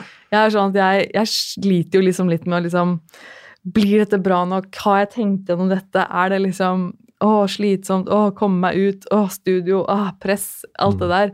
Så jeg går liksom kanskje og får det ut, og så spiller jeg inn episoden. Og når jeg gir den ut da, så er jeg liksom, åh, da er jeg liksom ferdig med Ja. den, kanskje. Jeg vet ikke. Det høres, eh, det høres i hvert fall ut som en god strategi. da.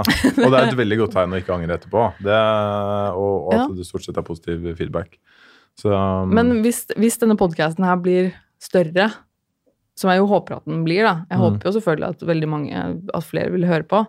Men jeg tenker jo sånn det, Hvis jeg begynner å få litt kritikk, da, hvis det, er begynner, hvis det begynner å komme inn ting som er negativt, ja. så er jeg jo litt sånn Jeg vet ikke hvordan jeg vil reagere på det. Det kan jo hende at jeg faktisk At jeg begynner å angre da. Jeg vet Ja.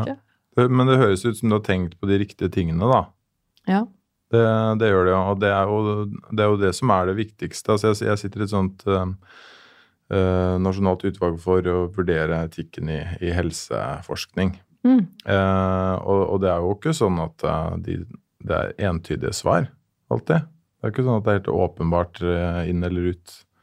Det er gråsoner. Mm. Og, og de vurderingene som du gjør deg der, er jo akkurat de man skal gjøre seg. Og problemet er vel i for stor grad at folk ikke gjør de vurderingene. De ikke Mm. tenker på hvilken effekt det har, og ikke har, har gått den runden. Mm. Er det noe jeg er god på, så er det å tenke. Ja. Jeg tenker veldig mye, ja. og jeg er veldig kritisk til meg selv og til, til det meste, og stiller veldig mye spørsmål. Mm.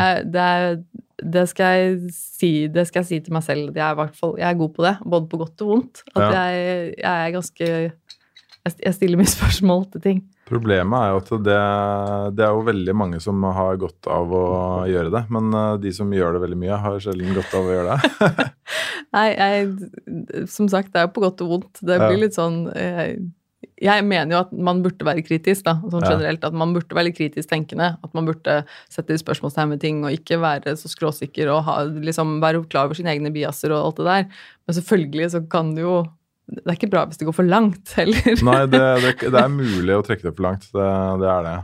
Absolutt. Jeg tror nok iblant så er jeg nok litt over, over på andre kanten. At det blir litt for mye av det gode innimellom. At det blir litt, for, for, litt for mye grubling og litt for mye sånne spørsmål og litt for mye sånn hengende opp i ting. Men jeg tenker at ja, ja. Det kunne vært verre. Alltid en bra holdning. Ja. Um, jeg tenker at uh, vi, vi, må liksom begynne å runde av snart. Jeg skal, jeg skal bare sjekke Den går? Den, uh, den, går. Man vet aldri, så det måtte jeg bare sjekke. Yes, det er bra. Uh, jeg, fikk, jeg, spurte jo på sosiale medier òg, mm. for jeg tenkte at når jeg skal ha en psykolog i studio, så er det jo veldig kult om lytterne mine har noe innspill på ting. og så Har du dårlig tid? Nei, det har litt tid, ja. ja, ja, ja. du har litt tid? Jeg har kontor rett borti gata, så det funker ah, bra. Sweet. Uh, jeg tenkte, kan du ta kjapt, da, noe av det som var de jeg rakk å notere her? Uh, det var en som skrev bare sammenhengen mellom cannabis og psykisk helse. Har du noen tanker rundt det? Uh, om jeg har noen tanker rundt det? Det er, det er også et stort spørsmål. Altså, det er jo både et spørsmål om Eh, noen har, man har testet det ut i bruk i behandlinger, f.eks. Ja. Som et slags medikament. Ja. Eh, men, eh, men kanskje heteste diskusjonen har jo vært hva har det å si for utviklingen av psykisk lidelse? Ja. Og da spesielt psykoser. Ja. Psykoselidelser, eller det som kalles schizofreni. Ja. Og det man har sett, er at det er, veldig, det er, en veldig sterk sammenheng mellom de som får det, og bruken. Så de, de som får psykoser de har, bruker det mye, mye oftere ja. enn de som ikke får det.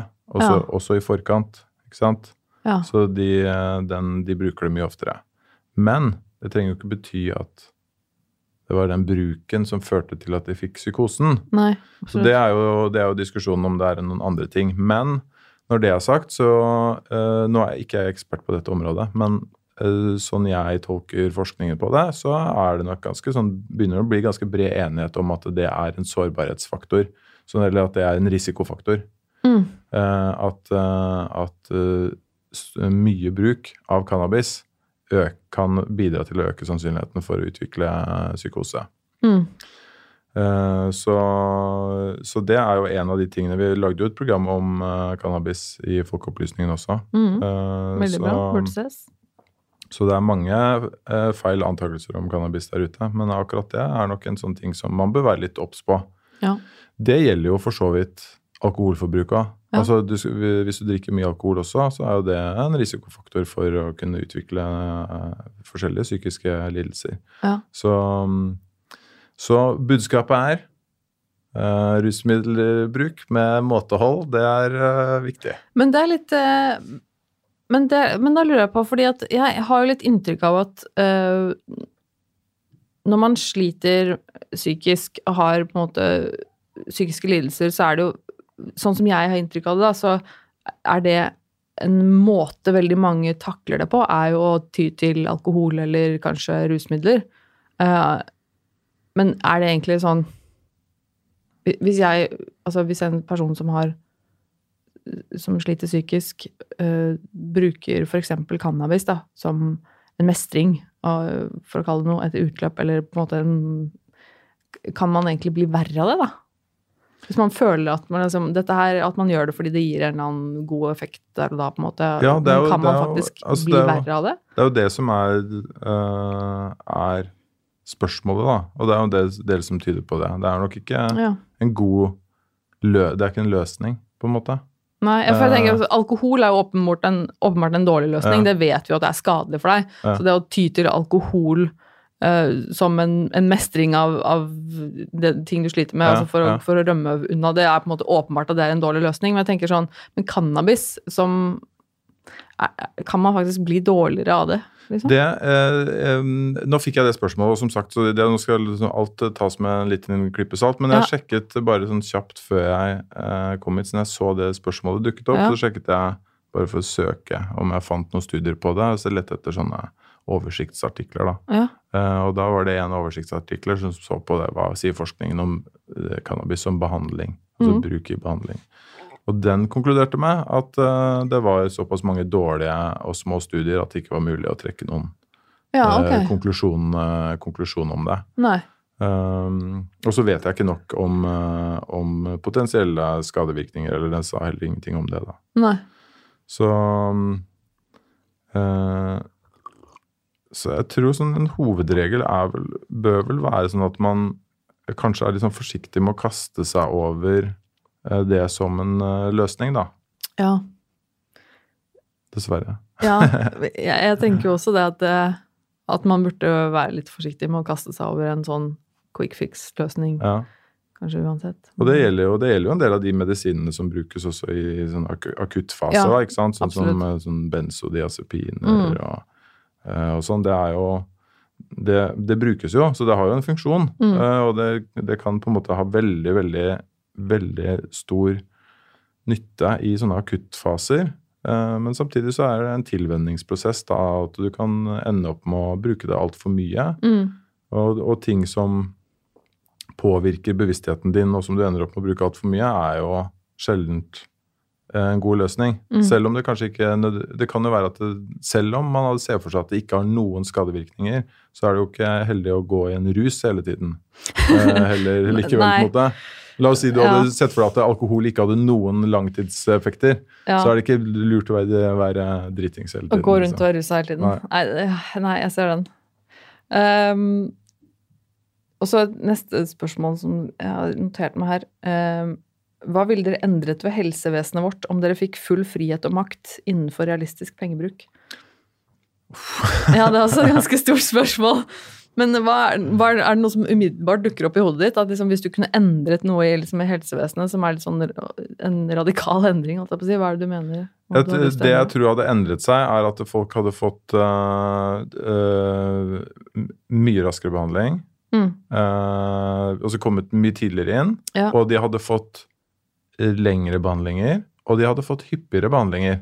Det er jo en, Ja. også en av de tingene som, som er en del diskutert i fagmiljøene. Mye tyder på at det er den effektive behandlingen er ganske sånn ofte. At man møtes ganske ofte. Ja. Eh, så mens systemet har lagt opp litt sånn nå at det, siden det er så stort press av pasienter, så skviser man inn nye pasienter, og så øker intervallene mellom hver gang man møter pasientene. Ja. Så hvis du har liksom 20 pasienter du møter hver uke, Mm. så kan du ha 40 pasienter som du møter annenhver uke. ja. Og så kan du ha, liksom, Hvis du bare dobler det hele tiden, så får du liksom plass til flere pasienter. selv om Ja, men det vil da eh, på den enkelte pasient ha dårligere effekt, på en måte. Ja, det, det er i hvert fall en av de tingene som, eh, som eh, noe forskning tyder på at det er Mm. lurt og bedre å konsentrere deg. Så det tror jeg hadde Det burde ha skjedd. Uh, absolutt. Hva trenger vi da? Trenger vi flere flere psykologer? Ja, altså man trenger jo flere inn i helsevesenet. Man trenger mer, eh, mer penger dit også. Det er jo Mm. ikke, det er jo ikke sånn at det er, det er, ikke, det er ikke bare å flytte på ressursene eh, nå. Altså det, det er såpass liksom stramt at da trenger man eh, trenger man en større del av den totale kaka Mm. skal gå til det. Og det er jo eh, mange som vil motsette seg, da, selvfølgelig. Eh, men eh, jeg tror jeg tror det hadde vært en av effektene hvis vi hadde fått uh, fått ubegrensa med midler. Ja. Ja. Ja. Det er bra. Um, så var det en som skrev Kan dere prate om dødsangst og måter å komme til ro med tanker om sin egen død? Da ble jeg litt sånn Når jeg så det, så ble jeg litt sånn Ja, men jeg vil jo ikke Jeg vil jo ikke at noen Jeg vil jo ikke ta fra noen dødsangsten heller, på en måte. Jeg tenker at det er sunt å ha litt angst for å dø. Ja. Eh, Eller sånn eh, det, det å være helt eh, uredd for å dø er jo ikke bra heller, holdt jeg på å si. At man, man vil jo Man vil jo ikke at noen skal ønske å dø. Nei, men sånn man, sånn man kan tolke det, det spørsmålet, så vil jeg vel anta at det er, det her er sikkert en person som, uh, som tenker på situasjoner der man grubler mye Mm. uh, på det, og, og har en sånn generell Angst for å dø. Ja.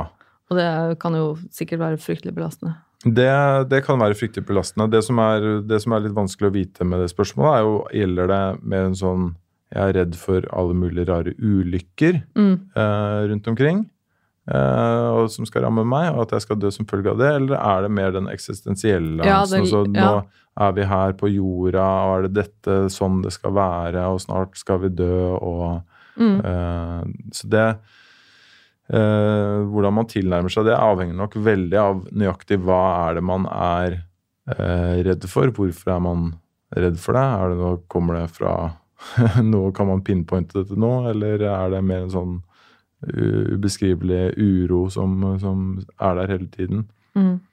Så, så det er litt vanskelig å svare, svare godt på det. Så vi ville nok Ja. gravd ganske mye, stilt mange spørsmål eh, til den personen før, før man måtte lande på en Ja. framgangsmåte. Da. Jeg tror, jeg tror også det. Jeg merka også at det var mye spørsmål som dukket opp i hodet mitt da jeg liksom leste den, for da, da, da er det mye jeg vil Det er mye jeg vil vite før jeg svarer på det, på en måte.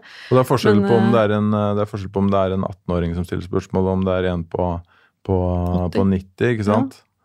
Eh, om du er syk, om du er alvorlig syk f.eks., eller om du eh, er kjempefrisk. Ja. Så, men men uh, dødsangst du, blir jo ikke sjelden et, et tema på en eller annen måte eh, i, eh, i behandlinger, da. Mm. Er det mange som er redd for å dø?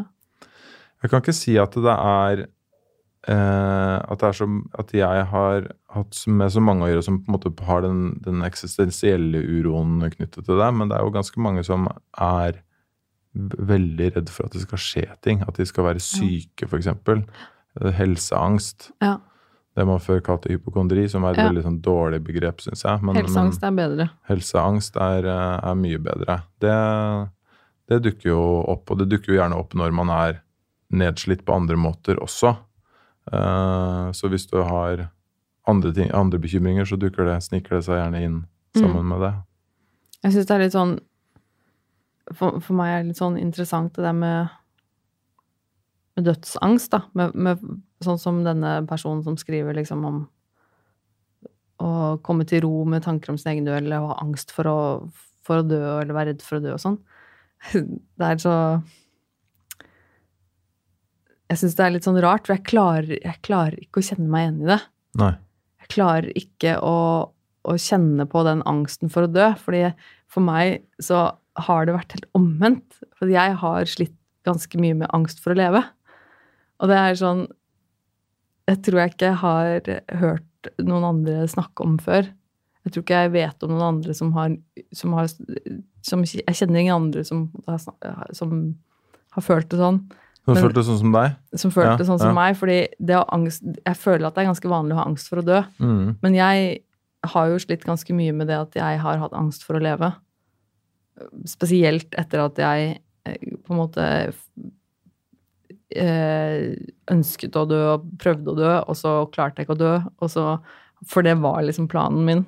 Det var Mm. at jeg ikke skulle leve. Og da på en måte, på en måte komme til den den, hva heter det, realization, altså eh, innse, da. at- Erkjennelsen, ja. Mm. At jeg må ta ansvar for å ha et liv og for å leve. Da ble det plutselig en slags angst. At, det, at jeg begynte å kjenne på dette. Men shit, Ja. skal jeg leve? Skal jeg, ha, skal, jeg, skal jeg fortsette med dette? Da ble, det ble en sånn Ja. angst for meg. At jeg fikk rett og slett en sånn angst for å leve. Og det er sånn Hvordan skal jeg løse den oppgaven? Ja. det var litt sånn jeg fylle det Jeg syns bare det Ja, var litt interessant sammenligning. Altså sånn, Ja, ja. For meg så ble det litt sånn Ja, det er, absolutt. det er eh, to helt rake motsetninger, men det går an å ha begge deler. Ja, ja. Og, og den, den døds... eh, Men, men det er ikke alltid at de tingene nødvendigvis trenger å trekke i motsatt retning. Eh, også. Det kan man godt ha. Jeg kan godt ha den eksistensielle dødsangsten samtidig som man føler at eh, døden eh, kan være en utvei Mm, eh, også. mm. Eh, så vi mennesker er ganske komplekse ja. vesen. Men, eh, men det- ja, jeg, absolutt. Jeg, men det blir jo vanskelig å gi et eh, veldig godt svar på, på det når man Ja. ikke Jeg, jeg tror det, det, fordi det, fordi det er sånn, det er ikke noe åpenbart hvordan man skal tilnærme seg. Jeg tror mye handler om å kartlegge litt sånn, hva er bakgrunnen for det, og, eh, og hvordan påvirker det deg, ikke minst i hverdagen din. Hvilke Mm. issues skaper det? Ja. Uh, og hvordan kan vi prøve å løse de? Mm. Um, så Vi skal eh, vi vi går over på noe litt mer Litt lettere på slutten. Så nå har vi liksom, vi begynte ganske lett, Ja. og så dalte vi liksom ned i en ganske sånn alvorlig grop. Og nå Ja. føler jeg at nå skal, vi, nå skal vi plukke det litt opp igjen ja. på slutten. og så uh, har jeg sånn par sånn litt sånn morsomme spørsmål på slutten, bare som er litt interessant. Eh, bare for mo- moro skyld. Uh, kunne du spist menneskekjøtt? Eh, ja, det kunne jeg nok uh, ha funnet på å gjøre hvis, hvis rammene var gode for Ja, det. selvfølgelig. Ja. Altså, se bort fra dette med liksom hvor, hvor kjøttet kommer fra og sånn. Men, Ja. men, men for, du kun, for du er kjøtteter, sant? Du spiser kjøtt vanligvis. Uh, Altså dy, ja. dyrekjøtt. Eh, ja. Stadig, stadig mer, flere moralske kvaler knyttet til det, og forsøker å begrense det. Ja. Av både av eh, Mest av dyrevernshensyn. ja. hensyn, Det er jo jeg som veganer veldig glad for å høre. eh, og, og miljø, da, selvfølgelig. Ja. Men, Mm, eh, kun, men- du kunne spist menneskekjøtt? Ja, altså, og det, det her sånn, I psykologien så finnes det en del sånne kjente sånne moralske dilemma som, som er designet sånn at sånn, eh, Et av de er En familie kjører over hunden sin. Ja. Alle sammen øh, er kjempelei seg for det og syns det er utrolig trist og har på en måte en sånn minneseremoni for den hunden og sånn. Mm. Eh, men samtidig så, er- så lander familien på at nå er den jo, nå er den jo død, eh, og vi tror at den beste måten å hedre, eh, hedre den hunden på, det er også at vi spiser den. og, så, og så er de øh, Og så er spørsmålet er det greit eller ikke. Ja. Og så er jo og så er de dilemmaene er alltid konstruert sånn at de har dekket opp for alle de innvendingene man måtte ha. ja. Sånn, ja, men hva med barna? De ville jo liksom blitt helt hysteriske av det. Nei, men barna var med på det. Mm. Uh, ja, men hva, med, hva om noen fikk vite om det og, og, og, og reagerte på det? Nei, det, da er liksom historien laget sånn at nei, ingen får vite om det. det er bare Mm. de som, og de syns det var greit etterpå også. De har ingen kvaler. Mm. De syns ikke det var problematisk. Mm. Uh, og da reaksjonen til de fleste i de dilemmaene der er det er ikke greit, men de klarer ikke å forklare hvorfor det ikke er greit.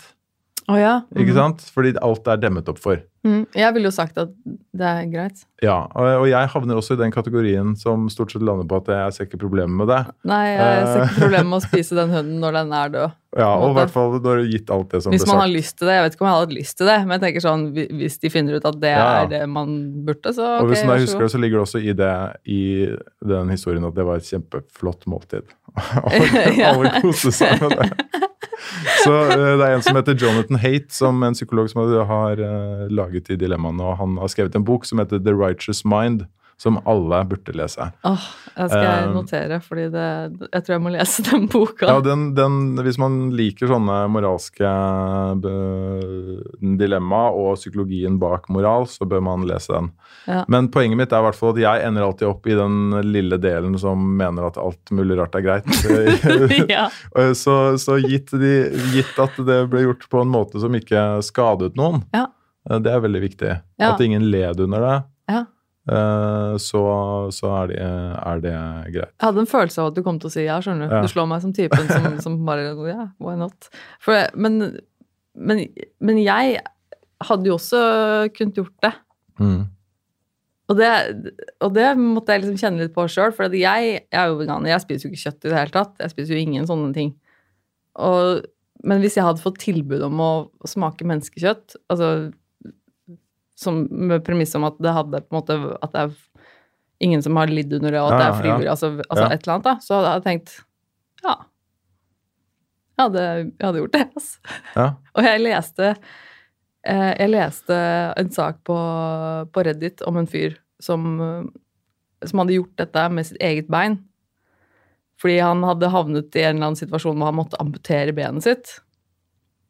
Og så hadde han Lang historie kort, da, så hadde han fått benet med seg hjem og bestemt seg for at han skulle lage en liten seremoni hvor han skulle ta et, et, et stykke av, av kjøtt liksom, fra beinet, Mm. og så skulle han spise det sammen med vennene sine. Bare for at det var liksom en seremoni, en sånn greie som de skulle gjøre. Og jeg bare syns det var helt fantastisk. Det var jo Og jeg bare sånn inni meg så bare Åh, dette her var helt insane kult!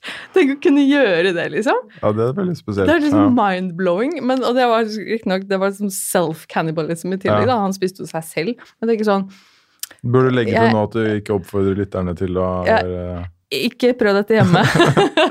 Men en ting, en ting som eh, må sies da i forbindelse med kjøttsmakegreiene Jeg tror at det, det, for min del så måtte det vært såpass mange eh, forbehold knyttet til det at det aldri ville blitt en realitet. Fordi jeg ville, jeg ville, For det første så ville jeg ha tenkt på at uh, den personen må gjøre det frivillig. Så det måtte vært noe sånn Donert. Eh, ja, og Ja. at det står et eksplisitt ønske om at, eh, at kroppen, deler av kroppen skal gå til dette måltidet. Okay, ja. Eh, Men i tillegg så ville nok jeg tenkt på at eh, det er ikke så viktig for meg å smake på det kjøttet at jeg er villig til å fornærme store menneskegrupper uh, okay. for å gjøre det. Så, så hvis det hadde vært hvis det, hvis eh, det hadde vært sånn Hvis jeg hadde visst at det var mange som reagerte voldsomt på det, så Ja. er det ikke så viktig for meg uh, å gjøre det. Så det måtte også ligget inne som et premiss at uh, det var ingen som fikk vite om det, da, på en måte. Ok. Mm. Ja, for da tenker jeg sånn Men for, for meg så blir jeg sånn Ja, men hvorfor skal jeg bry meg om at disse menneskene her bare på, på et idiotisk grunnlag blir fornærmet? For jeg tenker sånn, det er jo ikke noe i veien Nå har vi tilrettelagt, alt Det er, er innafor. Ja, Da tenker jeg sånn, respekt ja. Hvorfor, hvorfor skal jeg bli påvirket av at enkelte mennesker på et veldig rart grunnlag blir fornærmet? Det blir sånn, hvis du, Ja, hvis du blir fornærmet tenker- på grunnlag av at dette er sånn, moralsk feil, bare fordi prinsipielt så skal vi ikke gjøre det, så tenker jeg sånn, da bryr jeg meg ikke om at du blir fornærmet. Ja, jeg tenker kanskje litt sånn konsekvensetisk på det. Ja, uh, Eh, eh, jeg tenker at min, den, den gleden jeg får over å smake på det kjøttet, må veies opp mot den totale, det totale ubehaget det skaper i verden.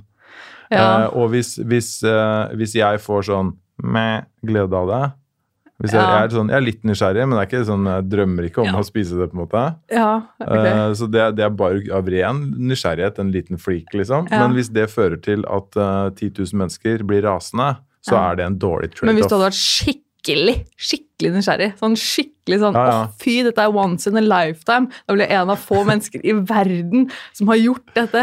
Dette er liksom syk mulighet. Ja, men det er der jeg tenker at uh, jeg, ville, jeg ville kanskje ha eh, likevel har landet på at hvis, hvis det fornærmer så mange, så ville det Ja. skapt så mye ubehag. Hvor mange, Totalt sett. hvor, hvor, hvor går grensa? Ja, det er det, da. Jeg skal ikke prøve meg på åtte, åtte sånn mildt fornærma mennesker. Det kan jeg tåle. Men hvis de blir skikkelig røde i ansiktet, så går det ikke. Ja, nei. Eh, jeg måtte bare eh, notere meg, fordi jeg fant ut dette her i 2018. En av uh, Ig Nobelprisvinnerne Ja. uh, innenfor uh, nutrition er Nå må jeg oversette mens jeg leser, bare. En som het James Cole, for at han kalkulerte at et kaloriinntak fra en human cannibalism diet er signifikant lavere på kaloriinntaket fra en most other traditional meat dishes. Å ja, Meat diets. Ja, ja nettopp. Så ja. Så, du- så en, er- en kjøttrett med, bestående av eh, Menneskekjøtt. Med kjø, menneskekjøttet er det Er lavere i kalori enn i eh, andre kjøttbaserte diets. der, der vippa du meg over, altså. Så nå, nå ville jeg kjørt på med det. Uansett hva det hadde Det er en fantastisk pris! Ja, det er en fantastisk pris. han vant eh, eh, Ig Nobel 2018 for, for det. Det Ja. jeg er veldig, veldig kult. Det er fint at det er noen som regner på det. Ja, ikke sant? I tilfelle du havner i en flylykke og må begynne å spise, spise Ja, da vet du i hvert fall at det er mindre kalorier i denne dieten. For det er det du er ute etter når du slår opp på fjellet Absolutt. der. Det er viktig Minst å holde, holde vekta.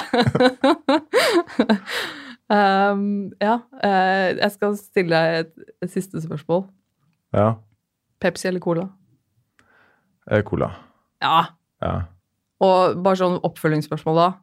Vanlig rød cola eller Eh, jeg drikker nesten bare uten sukker. cola, ja, cola Ja. Zero eller Ja. cola uten sukker? Ja, Det er, det er blitt uh, vanen nå. det er riktig men- svar. Men jeg, har, jeg, jeg kjenner noen som jobber i dagligvarebransjen, og, og uh, han sier at den mest solgte brusen i Norge, vet du hva det er? Mest solgte brusen? Ja, Solo. Nei, Pepsi Max. Ah, nei. Det var det jeg, Det overrasket meg. var det jeg trodde du skulle si. Det var det jeg håpet at du ikke skulle si. Å ja. Du, nå, Jeg er jo Cola. Cola Zero. Er Angrer jo, på at jeg sa det. Jeg er Team Cola. Ja. ja. Det heter Men- ikke Cola Zero lenger. Og det vil alltid hete Cola Zero. Crystal Coke. Ja. jeg, jeg får meg ikke til å si cola uten sukker, for at det høres ikke ut det det er mye lettere å si Cola Zero. ja. Jeg er enig. Men det er, det er bra. Det er riktig svar, da. Du er Ja, på. Team Cola. Ja, ja, nei, jeg er, uh, jeg er på rett side av den viktige debatten der. Men kan du drikke Pepsi Max hvis de bare har Pepsi Max? Jeg tåler det, ja.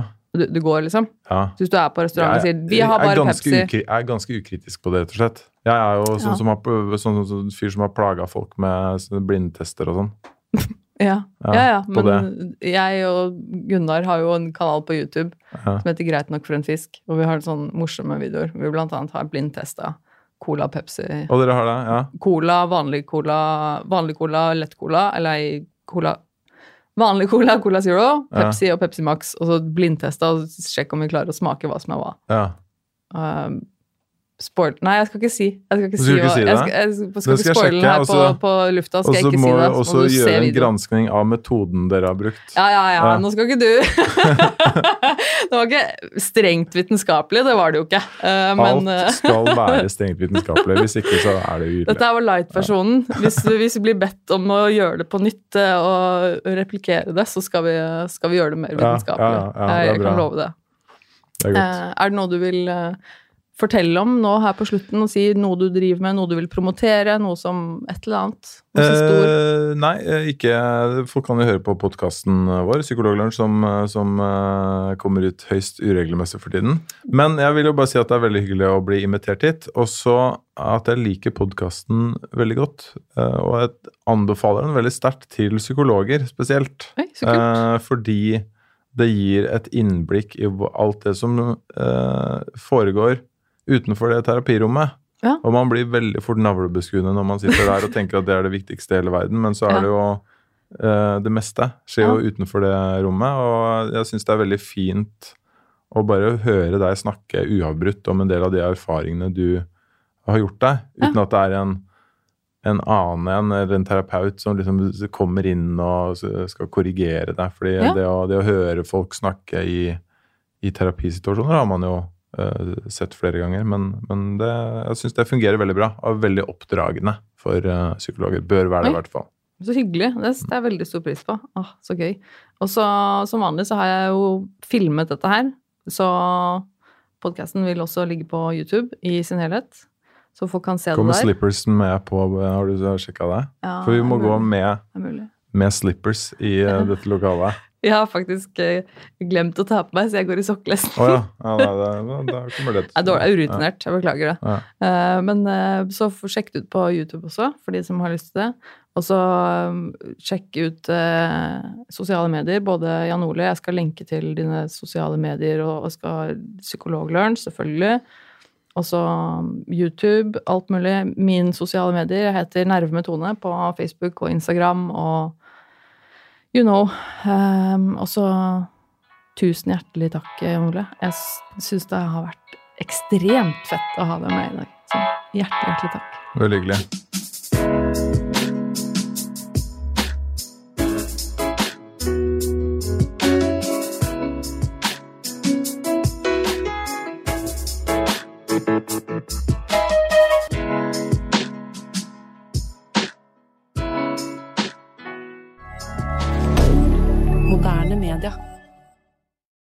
Har du et enkeltpersonforetak eller en liten bedrift? Da er du sikkert lei av å høre meg snakke om hvor enkelt det er med kvitteringer og bilag i fiken, så vi eh, gir oss her, vi. Fordi vi liker enkelt. Fiken superenkelt regnskap.